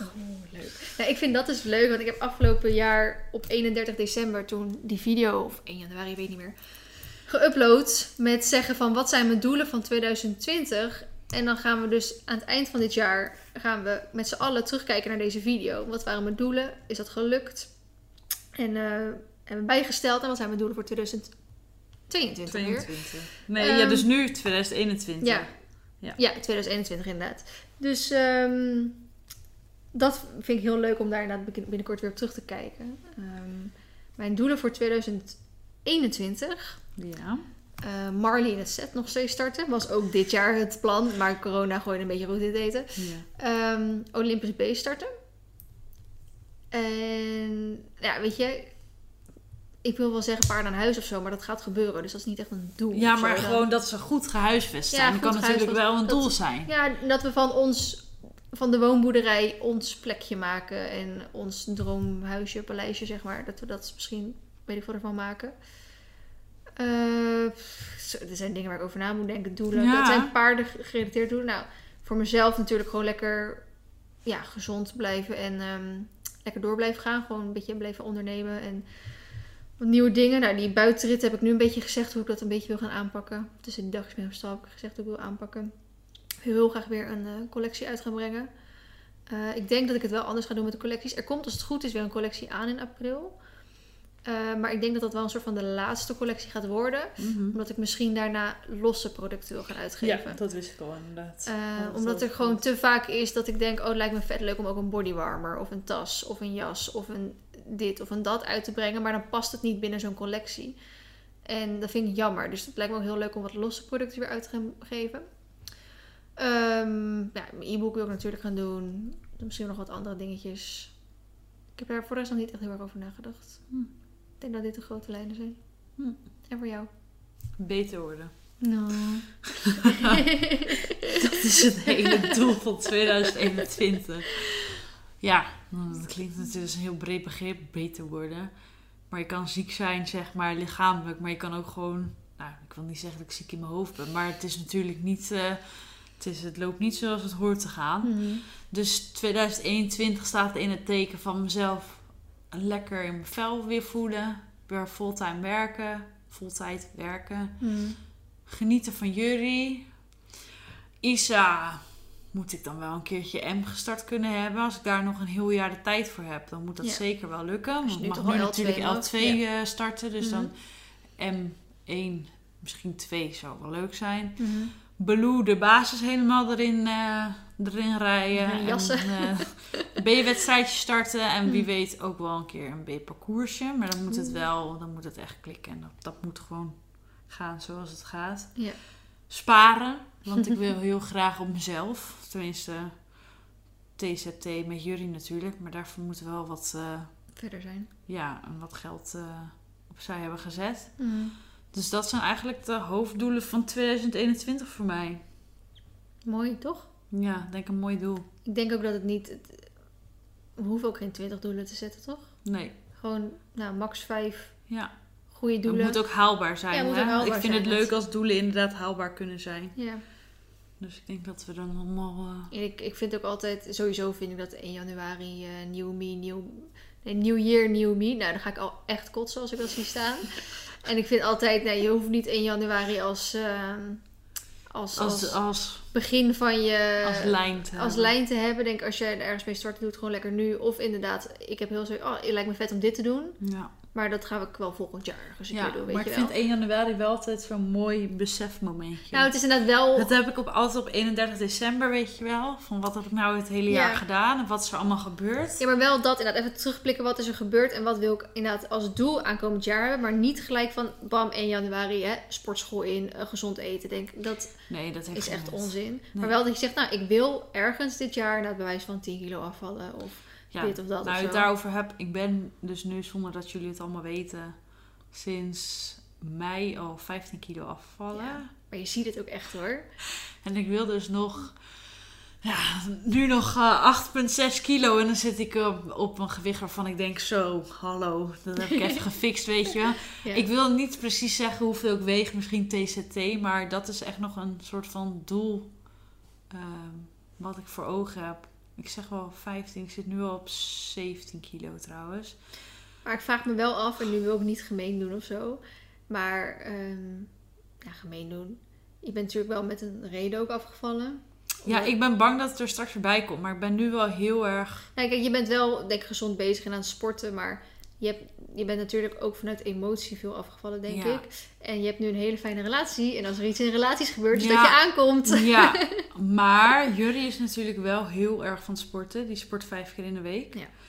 Ehm, dus ik, ik wil het ook niet zo ver meer laten komen eigenlijk. Dat is echt eh oh, het doel van 1 2021. Of op gewicht blijven, of Nog afvallen. Ja, maar ik denk dat je sowieso inderdaad, zeker met deze levensstijl, ga je denk niet meer aankomen. Het is inderdaad eerder dan opgewicht Nee, ja, kijk, weet je wat was? Toen ik, eh, ik, ik... Nou, steeds kan ik dat af en toe. Ik moet niet met honger naar de supermarkt gaan. Want dan kom ik thuis met drie zakken M&M's. En dan gaat het gewoon op een avond op. Ik heb gewoon geen rem. Dat is het hele ding. Hmm. Dus als het er niet is, dan kan ik het ook niet opeten. Nee. Dat is het voordeel. Nu heb ik Tony Chocoloni liggen. Heb ik met mijn verjaardag gekregen. Ik was 30 september jarig. Het is vandaag 11 november. Ik heb gewoon alle repen nog liggen. Hè? Ik ben echt Ja, ik ben echt super trots Geef op maar aan mij.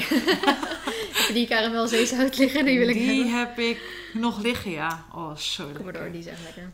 Ja. Nee, dus dat, eh, dat soort dingen zijn mooie doelen voor 2021. Maar weet je, daar ben ik nu al mee bezig. Dus eigenlijk is dat niet per se meer een doel. Ik Mm. me gewoon fit... Nou, weet je, ik hoef geen fit girl te worden. Ik, ik doe er altijd hashtag fit girl. Maar Mm, ja, gewoon voor de, ge- voor de, voor leuk, weet leuk, je wel. ja.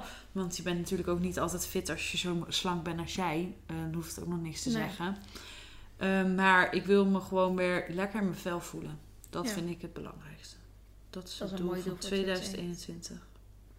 En, En, daarmee eh, sluiten we af, denk ik. Maar ik denk ook wel, je hebt nu alles gehad in 2020. Nou, ik hoop het, ja. Ze Ja. zeggen dat je krijgt wat je kan hebben.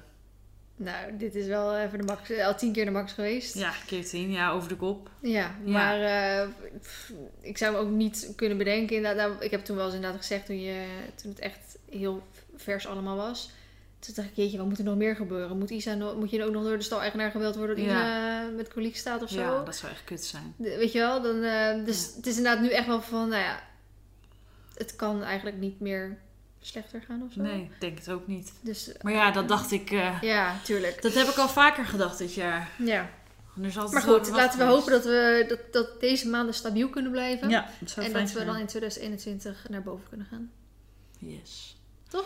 Ja, laten we hem afsluiten. Bedankt voor het luisteren allemaal. Eh, laat even weten of je alle 40 podcastafleveringen geluisterd hebt. Daar ben ik heel benieuwd naar. Ja. Ik denk het niet persoonlijk, omdat eh, het is dat er weinig zijn die ze zo allemaal hebben geluisterd. Ik heb ook heel veel berichtjes gekregen die zeiden van... Ik luister alleen als Ja, jij erin bent. Precies.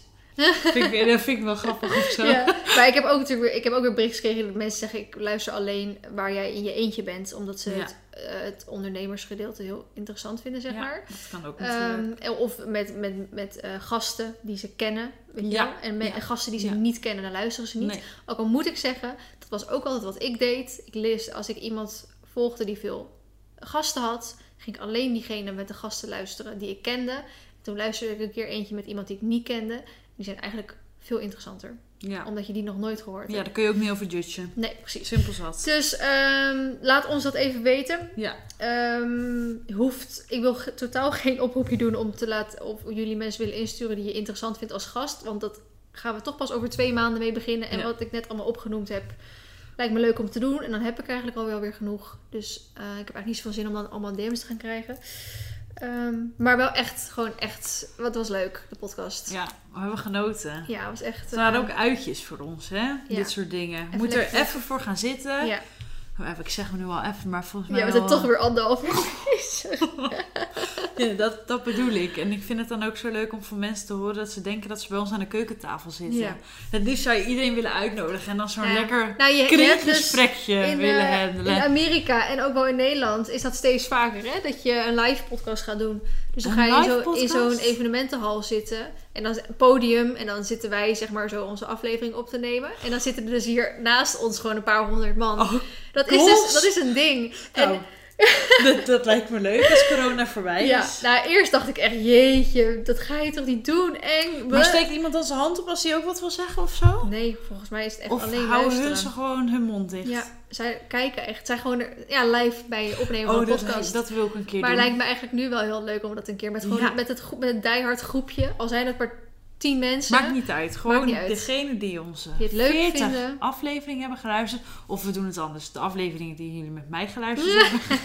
Als jullie die allemaal geluisterd hebben. Ja, als inderdaad corona. Ik heb zoveel dingen van als corona voorbij is, als corona voorbij. Ik denk, ja, precies niks hoor. maar denk, ik vraag me af of het ooit een soort van voorbij gaat.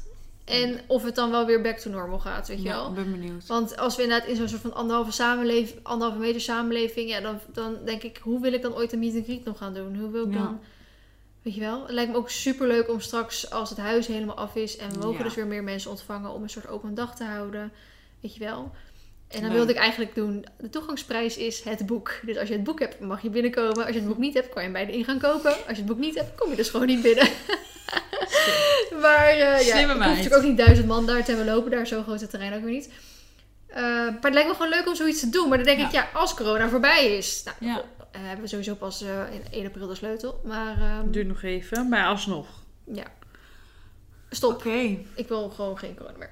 Nee. Eh, bedankt voor het luisteren. Dank jullie wel allemaal. Ja. Eh, we En, volgen ons natuurlijk gewoon lekker op de gram. Ja. Instagram en eh, YouTube. Voor wil, wil, kan je ons niet missen. Nee, jou hè. YouTube kun je jou niet missen. Want het- mij Ja, is ook gevraagd, nee, maak ook een YouTube-account aan. Ik heb het overwogen, maar het, is- het is gewoon niet haalbaar. Nou, weet je, het grappige was, ik was natuurlijk afgelopen vrijdag bij jou, dus jij was in de weekvlog. En ik had inderdaad één reactie gelezen van iemand die zei, oh wat leuk om SW weer in de weekvlog te zien. Ja, schatjes hè. Dus dat was wel weer, eh, weer schattig. Ja, dat vind, dat vind ik echt het leukste dan. Ja. Maar inderdaad, ik zet zoveel op Instagram. Ik ben daar echt best wel actief op. Dus ja. Dan kun je Jij prima... doet ook best wel vaak zo'n Q&A. Dan pak je er Ja. gewoon tien uit en dan is het weer klaar. Ja, en dan is het gewoon weer klaar. En dat vinden ze zo leuk. En dan denk ik van ja, weet je, zo'n YouTube-kanaal. Ik vind het lijkt me fantastisch hoor. Ik zou het ook prima kunnen. Ik kan natuurlijk heel goed slap ouwe hoeren. Maar het moet ook haalbaar zijn. Mhm. Want het editen en zo, nou, ik, mij niet bellen hoor. Zie je. En- zit je ook om drie uur s'nachts uh, ja, dat kan ik gewoon editen. niet. Dat gaat niet. Dus dat is gewoon een no-go. Dus voor de, Lekker Instagram. voor de YouTube moet je lekker de video's van Feline blijven kijken. En zo nu en dan kom ik daar gewoon in terug. Precies. Nou, laten we echt even nu gaan afsluiten. Oké, dank jullie wel. Dank jullie wel. En we zien jullie eh, in februari als het In seizoen 2. Bye. Doei!